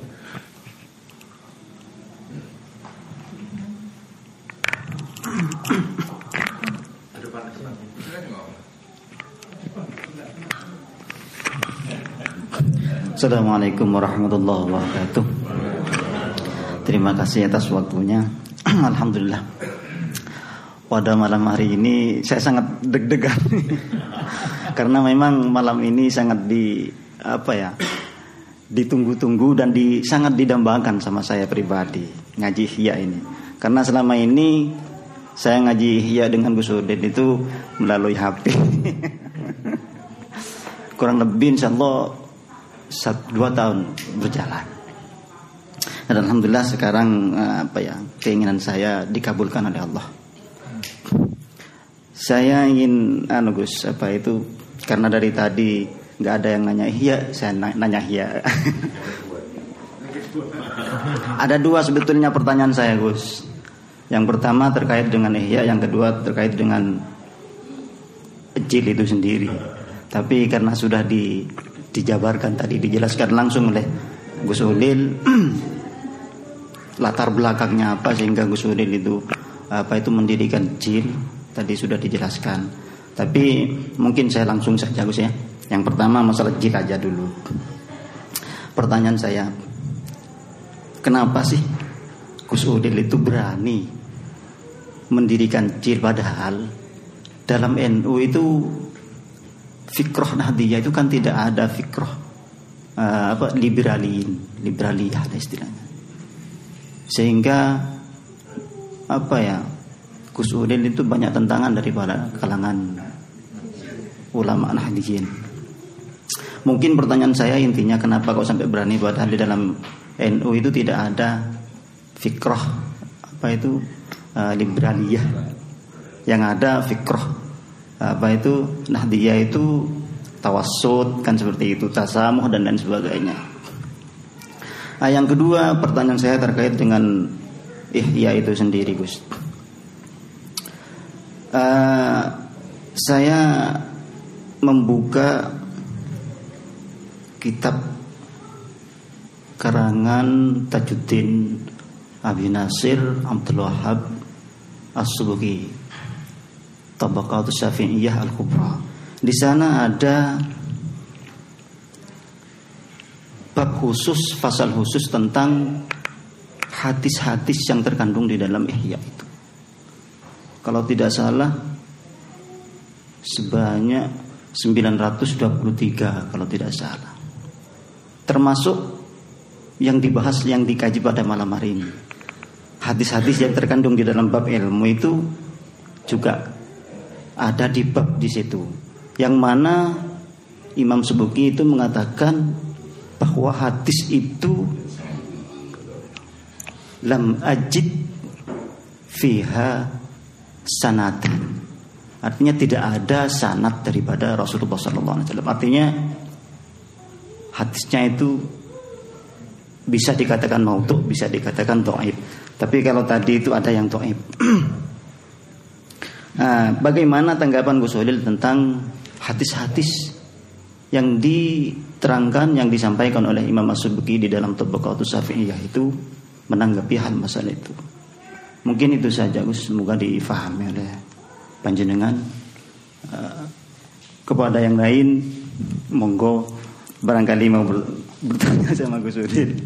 Terima kasih waktunya. Assalamualaikum warahmatullahi wabarakatuh. Mungkin tambah satu lagi dulu. Siapa? Yang mana? Gondrong atau Ustaz Ali? Oh sudah. Pak Yusuf, Yusuf Mansur. Oh, ya sudah, kalau kan anu aja dijawab saja sama beliau.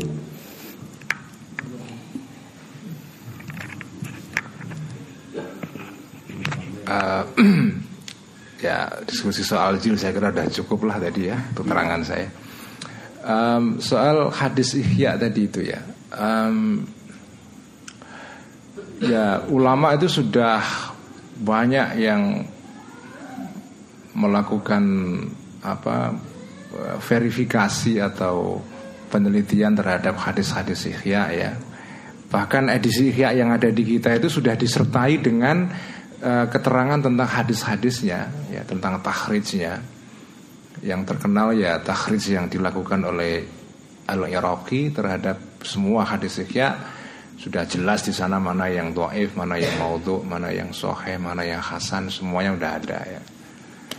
Nah, bagaimana menanggapi hadis-hadis yang maudhu dalam kitab Ihya itu ya? Pertama-tama saya sebagai pengagum Al Ghazali saya husnudon. Ini tergantung sikap kita. Kita mau husnudon atau suudon. Kalau saya sikapnya adalah husnudon.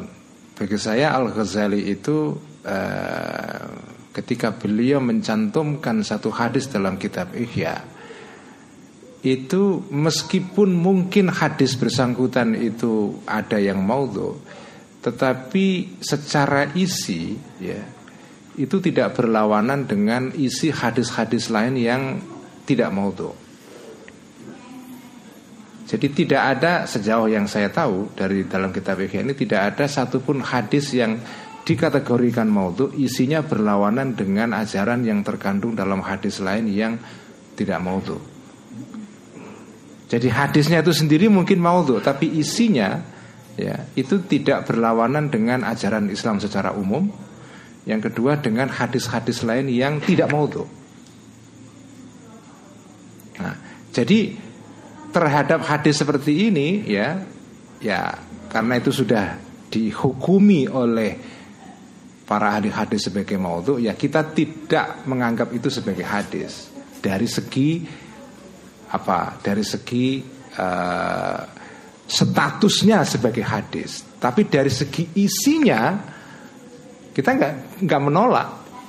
Wong isinya tidak bertentangan dengan dengan ajaran dalam hadis-hadis lain yang tidak mau tuh.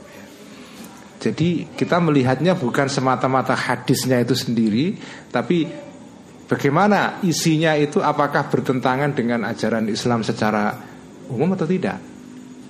Setahu saya tidak ada dalam ya hadis-hadis yang mau itu bertentangan secara frontal loh ya dengan ajaran Islam. Setahu saya nggak ada.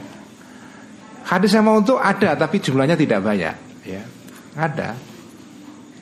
Tapi isinya nggak ada satupun yang bertentangan dengan ajaran Islam. Ya. Uh, termasuk hadis yang tadi tadi kita baca, ya itu sama. Secara isi nggak bertentangan tidak kontradiksi dengan dengan ajaran Islam, dengan Quran, dengan hadis-hadis lain yang yang bersifat apa ya sohih ataupun hasan ataupun doif ya. Itu yang pertama. Yang kedua, hadis-hadis yang doif ya para ahli hadis itu kan punya pendapat yang cukup toleran dalam had, dalam hal-hal yang di luar masalah hukum, terutama masalah fadhailul amal itu hadis doif boleh dipakai. Ya meskipun ada perbedaan di antara para Jadi sejauh itu bukan menyangkut hukum halal haram Hadis maudhu itu boleh dipakai Terutama dalam hal menyangkut masalah-masalah keutamaan tindakan ini, tindakan itu dan segala macam Tapi kalau sudah menyangkut halal haram itu hadisnya harus sahih atau minimal hasan. Nggak boleh menggun- menggunakan hadis yang doib ya. Apalagi dalam masalah akidah nggak boleh sama sekali. Tapi dalam masalah fadhailul amal itu nggak apa-apa. Apalagi ihya ini kan sebagian besar adalah mengenai soal fadhailul amal, akhlak, al adab ya. Dalam masalah adab itu hadis doib nggak masalah dipakai. Jadi uh, ya, masa udah selesai inilah soal hadis itu udah selesai dah. Udah diselesaikan ulama udah ratusan tahun yang lalu ya. Kalau sekarang kita apa bicarakan lagi ya boleh tapi sudah, solusinya sudah selesai dari dulu. Ya, sudah ada yang mentahrid, sudah ada yang uh, memverifikasi semua. Ya sudah kita tinggal baca aja. Sekarang kalau kita baca ini kan tinggal lihat bawahnya catatan kaki ini hadisnya ada sanadnya enggak, itu sudah ada semua. Ya kalau sudah dikatakan di situ mau tuh ya sudah itu bukan hadis. Dari segi statusnya hadis, tapi dari segi isinya ya dia benar. Kan ada sesuatu gini. Sesuatu itu dikatakan hadis atau tidak itu kalau benar-benar kata kanjeng Nabi. Gitu kan. Itu dari sudut statusnya sebagai hadis. Tapi dari segi isinya kan bisa saja sesuatu yang doif tapi isinya benar. Misalnya saya katakan, saya misalnya menis, saya mengatakan bahwa ada ada kata-kata yang bagus. Ini kata-kata Gus Niam. Padahal beliau nggak pernah mengatakan itu. Bahwa dia bukan perkataan Gus Niam, iya benar. Tapi isinya bagus itu lain lagi. Banyak orang-orang yang menulis sesuatu terus dikatakan ini kata Gusmus. Itu sekarang banyak sekali sampai istri saya kebingungan itu apa mengkoreksi, me- mengklarifikasi. Ada yang bilang wah ini puisinya Gus, padahal bisa dibaca sendiri. Bahwa dia bukan puisinya Gusmus iya, tapi isinya bagus itu kan bisa saja. Maaf, Gus. Iya. Tapi masalahnya karena apa ya? Hadisnya Rasulullah sendiri mengancam seperti itu. Seperti eh, mayyakul alayya malam akul falyatabawa. Mangkadzaba alayya muta'ammidan. sama satu sama-sama ada juga hadis seperti itu alayya Sekarang kita lihat hadis itu. Barang siapa menisbahkan sesuatu perkataan secara sengaja kepada kanjeng Nabi, muta'ammidan. Sekarang pertanyaannya apakah Al-Imam Ghazali secara sengaja menisbahkan itu kepada kanjeng Nabi sebagai hadis yang bohong? Mungkin beliau punya pengetahuan ini menurut saya hadis benar-benar kata kanjeng Nabi. Kalau kita sengaja membikin-bikin terus kita nisbahkan kepada kanjeng Nabi itu yang diancam. Lah kalau kita sudah Imam Ghazali sendiri menurut saya hadis kok. Kan bukan muta'amidan. Mangkadzaba alayya muta'amidan. Itu harus dilihat dong. Lah kalau Imam Ghazali sendiri punya keyakinan Wong malah kalau sufi-sufi itu punya cara sendiri untuk memverifikasi hadis. Ada yang caranya itu di baunya wangi, udah itu hadis anjing Nabi. Ada, Ya, tapi itu cara lain, itu cara batin ya. Ilmu hadis beda. Ada sufi-sufi yang cara mendeteksi hadis itu diambung aja. Wah wangi ini anjing Nabi ini. Lah siapa tahu Al Ghazali punya keistimewaan seperti itu kan kita nggak tahu, ya kan? Jadi ingat mangkadzaba alayya muta'ammidan sengaja sengaja bikin hadis dari dia sendiri terus dikatakan ini kanjeng Nabi. Dia tahu, mau dia sendiri yang bikin kok, tapi dinisbahkan kepada itu yang akan diancam neraka. Lah Ghazali yang nggak mungkin lah orang sebesar beliau kok muta'ammidan kadzaba alang alang kanjeng Nabi. Enggak mungkin. Enggak mungkin. mungkin anu Gus ada istilahnya apa ya yang mengcounter terhadap tahrif tahrifnya tahrif ha- hadis yang terdapat di Ihya itu mungkin ada Ya ada yang ada yang ya setiap tahris itu kan ada counter tahrisnya itu biasa itu. Dalam ilmu hadis kan begitu. Nah, ini menurut hadis ini menurut ulama ini ini doef, ini menurut ini Hasan. menurut ada sebagian yang mengatakan ini thiqoh apa perawinya ada yang mengatakan tidak itu kan biasa saja tapi saya yakin 100% kalaupun ada hadis yang betul-betul doif dalam atau maudhu dalam kitab Ihya saya yakin betul Al Ghazali tidak sengaja ya menisbahkan itu kepada kanjeng Nabi dan beliau tahu itu maudhu saya yakin 100% tidak 100% saya. Karena kalau kalau Imam Ghazali tahu betul itu mau untuk dikatakan hadis itu jelas namanya bohong. Dan saya tidak percaya ulama seperti ini bohong. Apa gunanya uang beliau mengajarkan tasawuf seperti ini kok bohong pada kanji Nabi gimana? Salah satu kemungkinannya adalah beliau menganggap itu hadis. Jadi bukan muta'amidan, ya kan? Beliau yakin ini hadis, betul-betul hadis. Ya kalau dia itu yakin hadis ya kita kan nggak bisa uang namanya itu keyakinan beliau ya kita nggak bisa apa-apa tanggung jawab beliau kepada Gusti Allah tapi kita nggak boleh seudon kepada Imam Ghazali itu yang nggak boleh ya mengkritik hadisnya Imam Ghazali hadisnya itu doif atau mauzuk nggak apa-apa tapi suudzon bahwa Imam Ghazali tahu itu hadis betul-betul maudhu terus dia katakan kepada kaji Nabi itu itu suudzon namanya. Dan saya nggak yakin bahkan 100% saya yakin Imam Ghazali nggak nggak akan nggak akan melakukan itu. Ya. Saya 100% yakin Imam Ghazali meyakini itu hadis, ya. Tetapi menurut ulama lain itu bukan hadis. Ya nggak apa-apa, itu perbedaan pendapat kan ya itu nggak soal gitu. Jadi jangan seudon kepada Imam Ghazali ya. Nah kalau seudon ya ya akhirnya kita nggak mendapatkan pelajaran yang baik dari Ihya. Karena kalau karena gini ada orang yang karena gara-gara dalam kitab Ihya ini ada hadis maudhu'nya terus dibuang sama sekali kitab Ihya-nya. Nggak mau sama sekali itu ada. Banyak. Ya nggak banyak lah tapi ada sekelompok orang Islam yang membuang. Membuang sama sekali kitab Ihya hanya karena ada hadis doif atau maudhu di situ ya kalau itu yang kita lakukan banyak kitab-kitab yang harus kita buang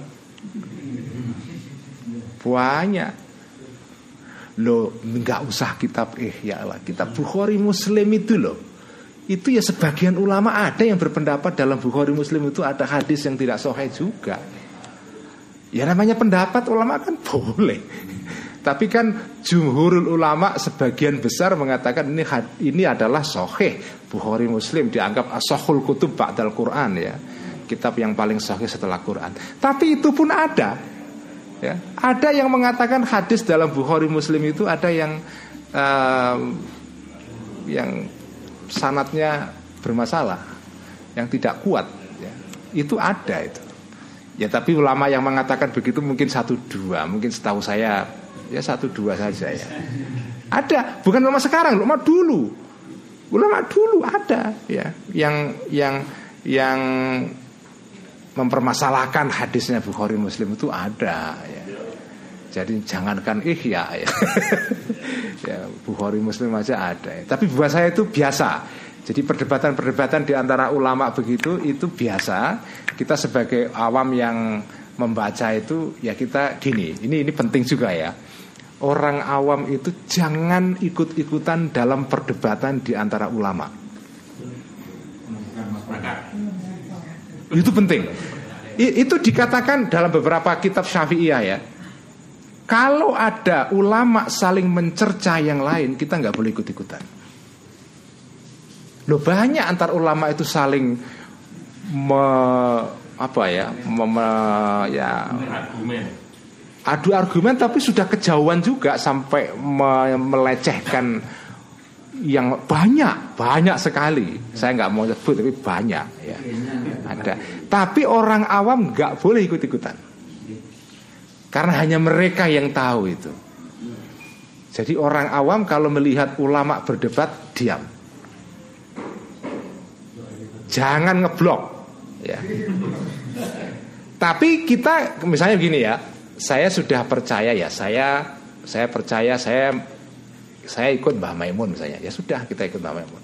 Adapun Mbah Maimun punya perbedaan dengan kiai yang lain kita nggak usah ikut ikutan kita hormati kiai yang Mbah Maimun juga nggak setuju itu kita hormati. Tapi kita ikut Mbah Maimun. Tapi kita nggak boleh ikut-ikutan dalam perdebatan di antara orang ahli ini.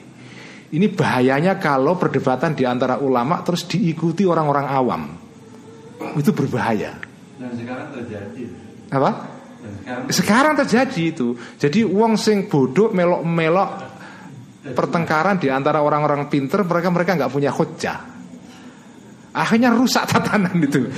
Jadi nah itu nggak boleh. Jadi apa istilahnya itu ya? Eh, apa itu? Jarhul ulama'i ba'dihim li ba'din itu ya saling kritik di antara mereka itu nggak boleh kita ikuti sudah itu itu beliau-beliau. Kita kita sebagai umat ya sudah kalau kita sudah punya panutan kiai A ya sudah kita ikuti itu saja ya. Tapi adapun perbedaan antara kiai yang kita ikuti dengan kiai yang lain monggo ya.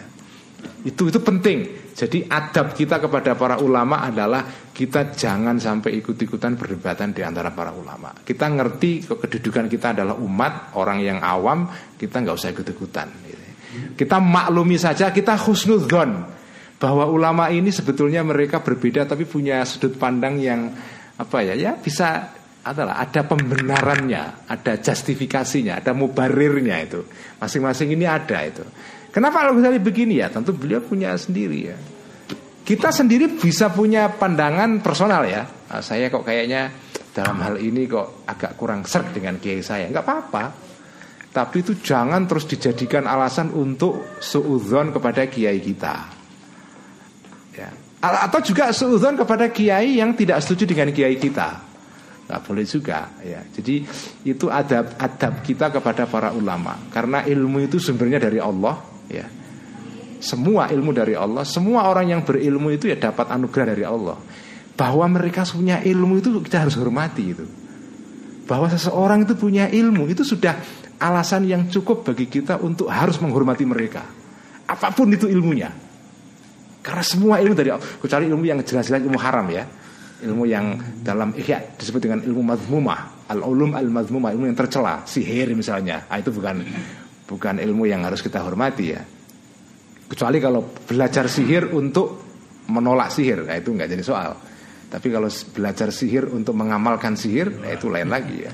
Jadi itu. Jadi bahwa ilmu itu dari Allah sumbernya itu sudah menjadi alasan yang cukup bagi kita untuk menghormati siapa pun yang diberikan ilmu oleh Allah itu. Meskipun ilmu itu kita nggak cocok, ya, misalnya beda pandangan atau apa itu. Apa. Saya kira itu ya Gus Niam ya, cukuplah udah malam ya. Uh, istri saya juga udah capek ini ya.